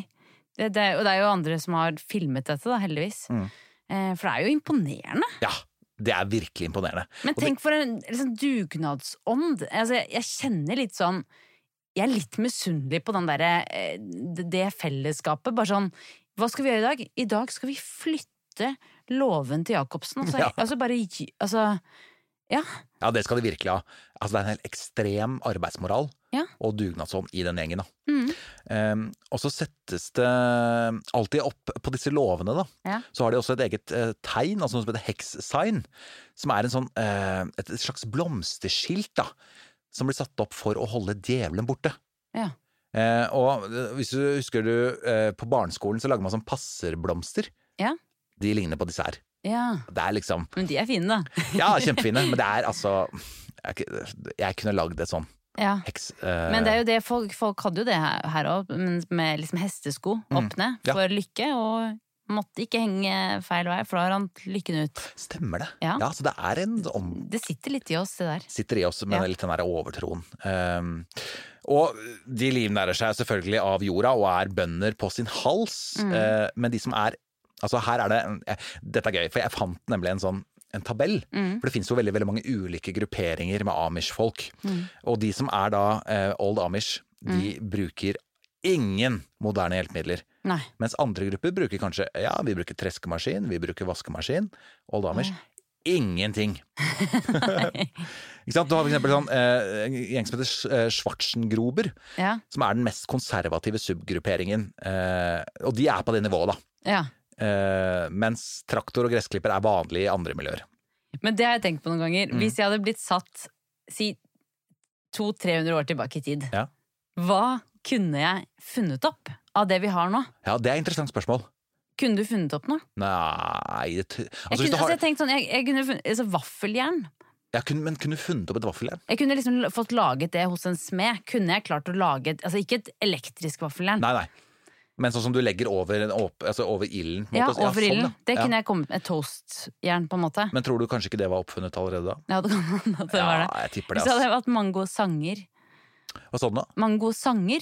Mangosanger? Mange gode sanger. sanger. Ja. Den mangosangen. ja, du kunne lært dem noen arrangementer og Ja, ja. litt sånn, ja. Det kunne du gjort, faktisk. Ja. Og håndhygiene. ja. Altså, ja. Men jeg hadde sikkert blitt brent på bål. Ja, mest sannsynlig som en kjetter og heks. Ja. jeg hadde ikke klart å finne opp noen ting. Jeg, Nei, det er jo litt fascinerende, da. ja. jeg jeg hadde ikke forklart sånn Ok, vi, har vi hadde noe som het mobiltelefon i framtiden. Ja, eller Altså. Jeg hadde ikke klart å finne opp et stearinlys engang, liksom. Det er bare Nei, jeg er helt enig. helt krise. Ja. Uh, Amish-folket har et interessant forhold til fotografier. Ja. For de er jo De godtar jo veldig ofte at man tar bilde av dem Mm. Når de er ute og jobber. Og man har sett masse bilder fra Men det er vel også med at de ikke er så voldelige. Altså, de angriper jo ikke. Nei, men de, de, de motsetter seg ikke i det hele tatt. Ah, liksom. Okay. Nei, det er ikke. Men det er viktig at, uh, at fjeset ikke er synlig. Ok. Altså, fordi de mener at dette er et brudd på det andre budet Mm. i Bibelen. Altså, du skal ikke gjøre Det er noe utskåret bilde, Nei. ikke sant? Uh, og det, det gjelder også dokker, da. Så alle, eller mange amish-jenter har dokker, men dokken har ikke noe fjes. Du skal ikke ha liksom gudebilder. Ja, ja, ja. Ja. Det er, det er jo dritekkelt. Ja, ja, sykt ekkelt. Eh, musikkinstrumenter, apropos sanger, så kunne du ikke lært dem å spille noe, på en måte. For det er Nei. forbudt mange steder. Okay. Men noen mange synger.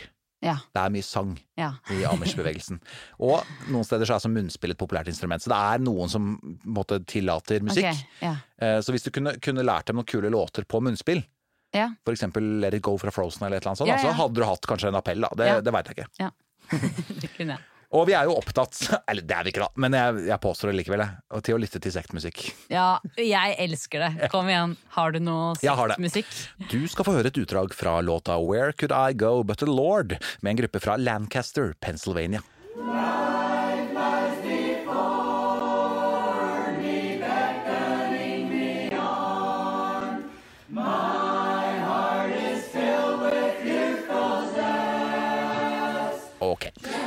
Hva tenker du? Er vi, er vi over eller under Manson-familiens syrerock? Altså, vi er et godt hakk over Manson, syns jeg. Enig. Eh, det er, ligger helt på bunn. Men eh, jeg vil si, også si at det er milevis unna min store sektlederfavoritt. Ja. Um, når det kommer til musikken. Åsa Waldau. Altså, hun er jo dronninga. Hun er jo Carola.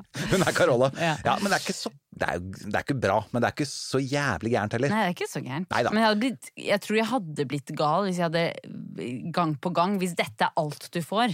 Ja, altså det er jo Men én konsert. Altså, sånn, ja, jeg, jeg syns det var fint, jeg. Ja, ja, det er enkle salmer som går i samme tralt hele Ja, veien, ikke sant. Vi sang faktisk i Jehovas vitner òg, visste dere? Ja. Mye, mye Var det kor, på en måte? Nei, det var ufrivillig flerstemt, for å si det sånn. Ja. Det var Vi hadde en sangbok. Jeg jeg mener å huske at noen av de låtene ikke var så gærne. Nei. At det var noe litt fengende melodier. Og, litt sånn. Eh, og da sto jo alle og sang. Så det var før og etter møtet, da. Ja. Uff, ja. I tillegg til å tjene penger på å selge korn og grønnsaker etc., det er jo sånn de får inntekt, da, Ja. så kvilter damene tepper og lapper som selges videre, samt baker. Oi. Sant? Altså, enn så lenge, må jeg bare si, jeg syns Amish høres helt ok ut. Ja, ja ikke sant? Jeg syns det. Eller sånn, jeg, det der, jeg, jeg liker å luke, og jeg liker håndarbeid, jeg. Ja. ja, men da er du jo på riktig sted, da. Kanskje dette er sekten for deg, da. Ja, kanskje. Ja, og jeg har funnet min julegave til deg. Ok. Eh, Jeg har bestilt The Amish Cook eh? Recollections and Recipes from an eh, Old Order Amish, skrevet av kjendiskokken Elisabeth Coblins. Er det sant? Ja, ja, ja, Det er jo helt fantastisk. Hun var svær, hun var i masse media og sånn. Men jeg tenker en kokebok, det, blir jo liksom steinalderdietaktig. Ja. Ja. ja, så det er jo det du kan gro og der, belgfrukter det, jeg liker det. Jeg liker føl- Tenk det der med når jeg fisker, å fange min egen mat. Ja. Plukke bær. Altså sånn Sanke. Absolutt. Sanke mat. Og her får du liksom. muligheten til å da sette dette ut i praksis, da. Ok, da skal jeg bake noe fra den boka og gi til deg. Og, og, og vi skal legge ut oppskrift på Selvfølgelig på sekt.podden Ja, det må vi jo bare gjøre. Ja, ja, herregud, ja. Nydelig. Så til barna. Eh, barna de Ja. går på egne skoler. Mm. Fram til åttende klasse. Og her lærer de typ agrokultur, altså det, hvordan man behandler jorda. Ja. Eh, og sying, vasking etc. for jentene. Eh, veldig tradisjonelle Ja. kjønnsrollemønstre her. Og så får de litt undervisning i engelsk og matte, da. Eh, men etter åttende klasse så er det ferdig. Da er du ferdig med skolegangen din. Ok. Nettopp. Ja, Det er ikke sikkert jeg trivdes så bra, kjenne nå. Men, men ja, fortsett. Nei.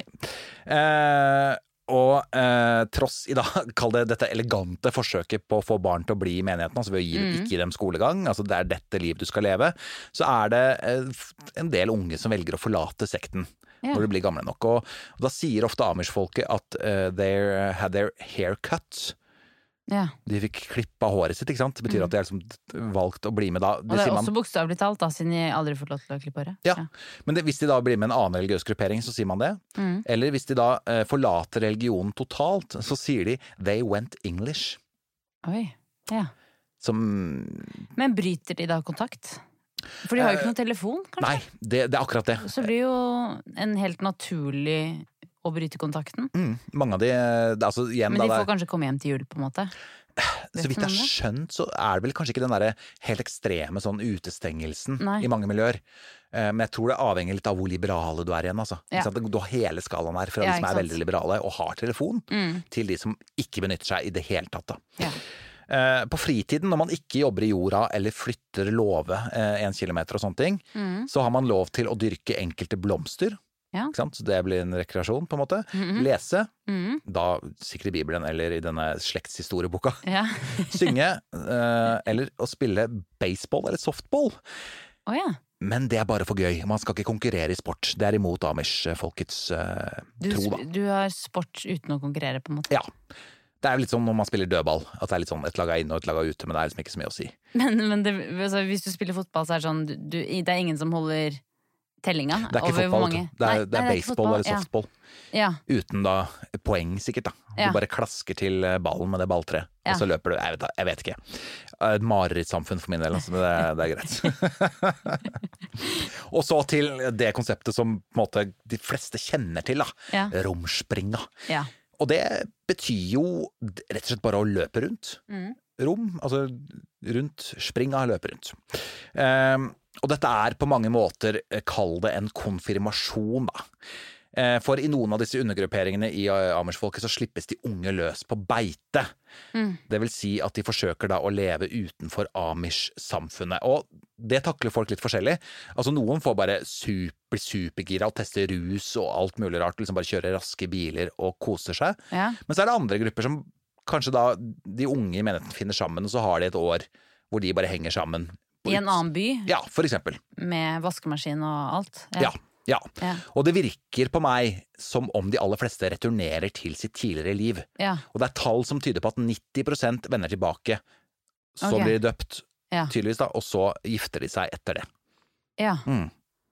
Men det høres jo veldig fint ut. Det er liksom som et ja, friår. Ja. Som det er jo veldig mange som tar friår etter videregående. ja.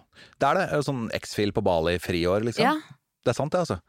Så det, det Eller er jo russetid, på en måte. Ja. Eller altså Og det er en sånn Ja. kul tankegang også, om de skal Ok, vi, vi tvinger ingen til å bli her, på en måte. Ja. Men det er jo lettere sagt enn gjort å bare Ja. Man savner jo familie, og det er jo veldig skremmende å bare plutselig stå midt i New York. Det er akkurat det, og du har ikke noe kontakt med noen, ikke sant. Og Men jeg er- skjønner jo ingenting av telefonen heller. og det er jo sånn herre eh, Den serien Unbreakable Kimmy Schmidt. Ja. Har du sett den? Ja. Det er jo ganske gøy, for det er, de er jo del av en sånn sekt i en hule under bakken. ja, ja, ja. Og så plutselig slipper de fri. Ja. Eh, det anbefales faktisk, uh, i hvert fall sånn i starten. er Ganske morsom. Er enig. Enig. Men ingen lukkede miljøer uten kontroverser. Du har sagt at uh, du kanskje kunne tenkt deg å bli amish. Det tror jeg ikke Tora Bontrager er enig i. Hun er en kvinne som brøt ut av amish-miljøet. Mm. Og hun forteller at uh, i hennes hode så blir kvinner født inn i amish til å være slaver. Ja. Jeg hadde, hadde ikke trivdes. Nei, jeg tror ikke det, altså. Nei, og det starter fra den dagen du blir født, da. Ja, uff meg. Ja, du er født som det svakere kjønn. Ja. Eh, og eh, Tora, dette gjelder sikkert altså ikke alle av disse miljøene, men noen. Mm. Eh, voldtektskultur. Okay. Der nei og det å motsette seg sex ikke er akseptabelt. Eh, og det baserer seg ifølge henne på det ukuelige forholdet amish-folket har til hierarkiet. ikke sant? Gud øverst, Mm. deretter mann, deretter kvinnen, deretter barna, deretter dyrene. Ja. Veldig sånn tydelig rekke. I tillegg så er det svært mangelfull eller ingen seksualundervisning overhodet, Ja. noe som fører til et helt skrudd syn på sex, og igjen da mange overgrep. Og det er rapportert om overgrepsofre fra Amers-bevegelsen som ikke kan navnene på kroppsdelene sine. Uff meg. Mm. I tillegg så er det mye som tyder på at kvinnen får like mye skyld som mannen etter et overgrep. Og det så vi jo, jeg husker den Brennpunkt-dokumentaren om Jehovas vitner, Ja. Hvor hun, eh, Ja. ja, som ønsket å komme inn igjen i sekten, Mm, fordi Som- hun hadde barna sine der og alt. ja, men var utsatt for et overgrep, Mm. og fikk da like mye skyld som han som hadde utført overgrepet. Helt hjerterått. Helt hjerterått. Jeg vil anbefale folk å se den eh, Brennpunkt-dokumentaren. Helt klart. Alle tre episodene, faktisk. Ja, alle. eh, helt uh, grusomt. Helt enig. Og så er det selvfølgelig mange som blir kalt mentalt ustabile når de melder fra om overgrep. Hun er gæren, ikke sant. Ikke hør på henne. Mm. Klassisk hersketeknikk, da. Mm. Uh, heldigvis da er det noe på gang blant kvinnene. Uh, de har et, det er etablert noe som heter safe communities, Mm. som flere amish-kvinner har fått nyss om. Altså ikke da via sosiale medier, men ved hjelp av jungeltelegrafen. Mm. Og dette vokser. Um, så det er, nå er det flere kvinner som Hva, måte hva, hva er det for noe? det er, en, det er en kvinne som, uh, som har startet et initiativ, yeah. hvor da amish-kvinner kan melde fra om uh, ugreie ting som overgrep uh, yeah. og sånne ting. Eh, og som da finner hverandre, ikke sant. Eh, på tvers av eh, ulike amish-grupperinger. Det er jo kjempebra. Kjempebra. I tillegg så har jo da dette forbudet mot barnearbeid Altså, ikke sant, USA har jo blitt moderne land Ja. og innført lover mot det. Og det rammer jo da rett og slett amish-samfunnet ja. ganske Hva hardt skal de også. gjøre etter åttende klasse da? Nettopp. Kan ikke gå Eh, rett på romspringa da, så du er så ung? Nei, de må vente til barna er gamle nok til at de kan liksom slite og, Ja. og styre jorda tolv timer i løpet av en dag. ikke sant? Og på grunn av et, eh, kall det et litt sånn snevert genbasseng, så er det en del komplikasjoner som oppstår i miljøene med tanke på at folk er veldig tette. Oh ja. Men det er jo barn. så mange. Det er jo over 300 000. Ja, men vi må at liksom disse grupperingene lever ofte litt svært for, uh, hver for seg. Ja. Som teller da rundt 70 medlemmer og sånn, ikke sant. Og da er det jo lett at det blir eh, innavl, for å Ja. si det på godt er det norsk. null prevensjon og sånn nå, eller? Eh, De er veldig skeptiske til prevensjon, og de er Ja. skeptiske til moderne medisin. Ja. Fordi eh, tre fjerdedeler De gjorde en undersøkelse, Mm. og da er tre fjerdedeler av Amers-folket motstandere av covid-19-vaksinen. Ja. Så der har du eh, et, et problem også. Mm. Så det var i hvert fall eh, 35 minutter med, med Amers-bevegelsen. Altså, hva tenker du når du har fått måte, alt servert? Um, jo, det er jo veldig fascinerende. Og så det har jo holdt på så lenge også. Det er jo en av de sektene som De har jo hatt mindre skandaler, Mm. men ikke en altså det er, Jeg syns jo altså det, er jo helt, det er jo helt klart at med overgrep og dette hierarkiet og al- altså sånn og kvinnenes posisjon der, at det ikke er liksom ideelt. Men av de sektene vi har tatt for oss, så tror jeg kanskje dette er eh, sekten for meg, altså. Dette er sekten for deg? Det er, tror det. Min er fortsatt Maradona-sekten. Det er Ja, eh, ja, ok, ja, ja, ok, Maradona-sekten. Men den teller ikke helt, da. Nei, det gjør ikke det, altså. Nei. Jeg håper det går bra med det alteret de bygget oppe Jeg fikk en, jeg fikk en melding av en venninne. Ja. Hun har gått på den ungdomsskolen hvor de bygget det der Maradona-alteret. Oh, ja. Så det ja! Men de bygde ikke bygde de alteret på ungdomsskolen? var, Nei, pub var det. Nei, var på puben. Hva var det med ungdomsskolen igjen? Jo, det var undervisning. Ja, det var det. At vi var bygd i undervisningen. Ja, s- det var det! Ja. Stemmer det. Nå miksa jeg to ting. Men bygg gjerne et Maradona-alter på den ungdomsskolen også. Det ønsker vi å se et bilde av. Det gjør vi absolutt. Tusen hjertelig takk for at dere hører på oss. Det setter vi utrolig stor pris på. Ja. Rate oss gjerne. Ja, gjør det. Fortell om oss til venner. Ja, Og send oss tips som vi kan ta opp her i podden. Gjerne. Vadim Pace. Vi høres.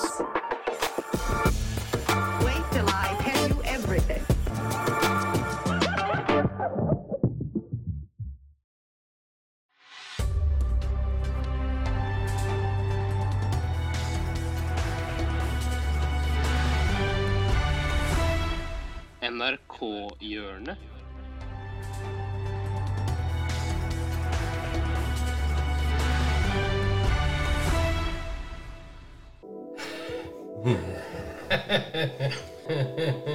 Grunnen til at jeg ler nå, eh, kjære det er at vi skal innom et eh, veldig morsomt segment.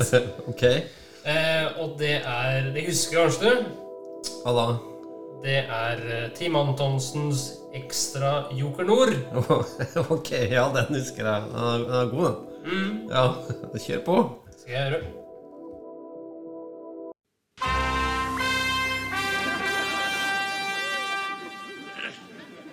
Ja, velkommen til Joker Nord. Jokerhatten er full, og dere som har spilt, bør glede dere, for jeg vet at det ligger både suttejoker og kosejoker i potten.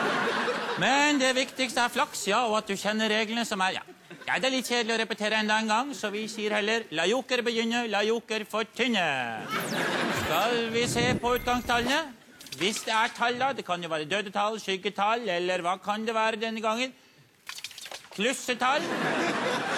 Med oss på telefonen har vi en heldig spiller, Krøvel Vellevold fra Velle i Vold. Hei, hei, hei. Det er en liten ting. Jeg er- fra Velle i Volle. Du har vært med før, du, men har du da flyttet fra Vold til Volle? Ja, det er jo gåavstand mellom Voll og Volle. Nå er jeg Voll. Nå er jeg Volle. Akkurat. Men begge deler ligger i Velle, da. Begge deler ligger i Velle. Jeg skjønner. Jeg ser at du er en stor spiller, for du har spilt for 12 440 kroner bare denne uken. Også litt forkjøla, hører jeg. Nei, Flott. jeg er alvorlig syk. Hva feiler deg? Jeg har en sjelden syste, og ingen kan behandle meg i lille bygda. Ikke i Sør-Norge heller, så mitt eneste håp er å vinne penger, så jeg kan flytte til utlandet for behandling. Sykdommen min er Ja, Det er en rørende historie du kommer med der, men du har klussetall, og hva sier du til det? Eh, Det er nytt for meg med kluss. Kan du være så snill før vi begynner forklare meg reglene? Jeg ber deg på mine Vi knær. må begynne så ikke det blir enda mer kluss, og vi setter i gang. Vil du brette eller krølle klussen? Ja, det var ikke lett. eh. Krøller. Og vi krøller. Skal vi se. Oi, flotte tall. Oi, toeren bomma på ringen. Hva gjør du nå? Eh, Kan jeg sette toeren på ringen? Er er det lov? Ja, sett. Det er ikke lov, det burde du visst. Hva sier reglene? Det sier straff, sier reglene. Hva skjer da? Oi, en narkojoker. Den stjeler de andre tallene, men det er du nødt til for å finansiere forbruket. Ja, det er vel det, da. Forståelig, det. Ja, det burde du forstå. Oi, nå begynte toeren med narkotika også. Oi, oi, oi. Hva skal skje nå? Jeg aner ikke reglene. Dette her er nytt for meg også. Du kan jo eventuelt Nei, der fikk en overdose, toeren. Å nei, så, ja, nå er gode råd dyre. og hva skal jeg gjøre nå? En narkoman, toer og en syster som vokser inn i kroppen. Ja, du har jo spilt opp alle pengene. Vil du låne litt av oss, kanskje? Ja, går det an, da? Nye regler for deg i dag. Vi har startet utlånsvirksomhet. Ja, systen min vokser, så det høres jo bra ut. Å, du låner. Skal vi se hva som skjer. Flotte tall. Flotte tall. Oi! En sol over skyveren. Jippi, det er vel veldig bra. Ja, det var bra, men nå smelter skyveren. Det var dumt for deg.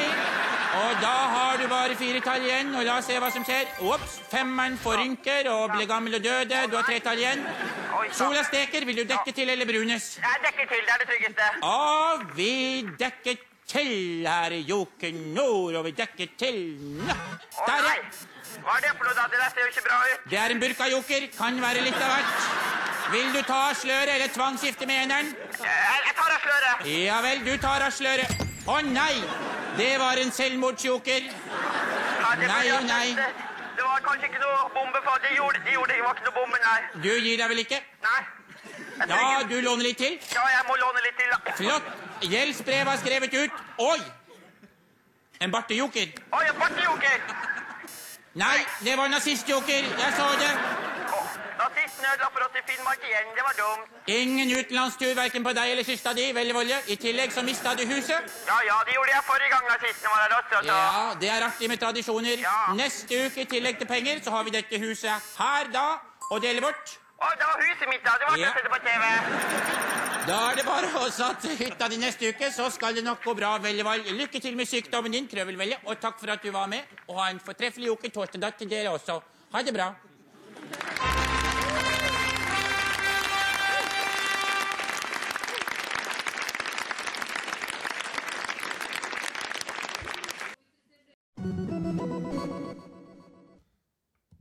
Ja, det var en knallavslutning. Ja, jeg tenker eh, vi kan runde av der. jeg. Eh, vil bare si at på tirsdag, altså 27. juli, så kommer en bonusepisode hvor eh, vi gir deg de ti meste spilte episodene det siste året. Ja. Eh, Og gir litt kommentarer i ettertid, da. Ja. Eh, Så se opp for den. Og så vi kommer også med den vanlige lørdagsepisoden på lørdagen da. Mm, Ja, skal vi eh, gi oss der, da? Litt? Tusen takk for nå, også på gjensyn. Og så igjen tusen takk for at jeg får lov til å være med, kjære sønn. Bare hyggelig, det. Hjertelig. Tusen takk for at du fulgte oss. Eh, Gi gjerne tilbakemelding, likes eller kommentar på Facebook-siden vår Generation X versus Z.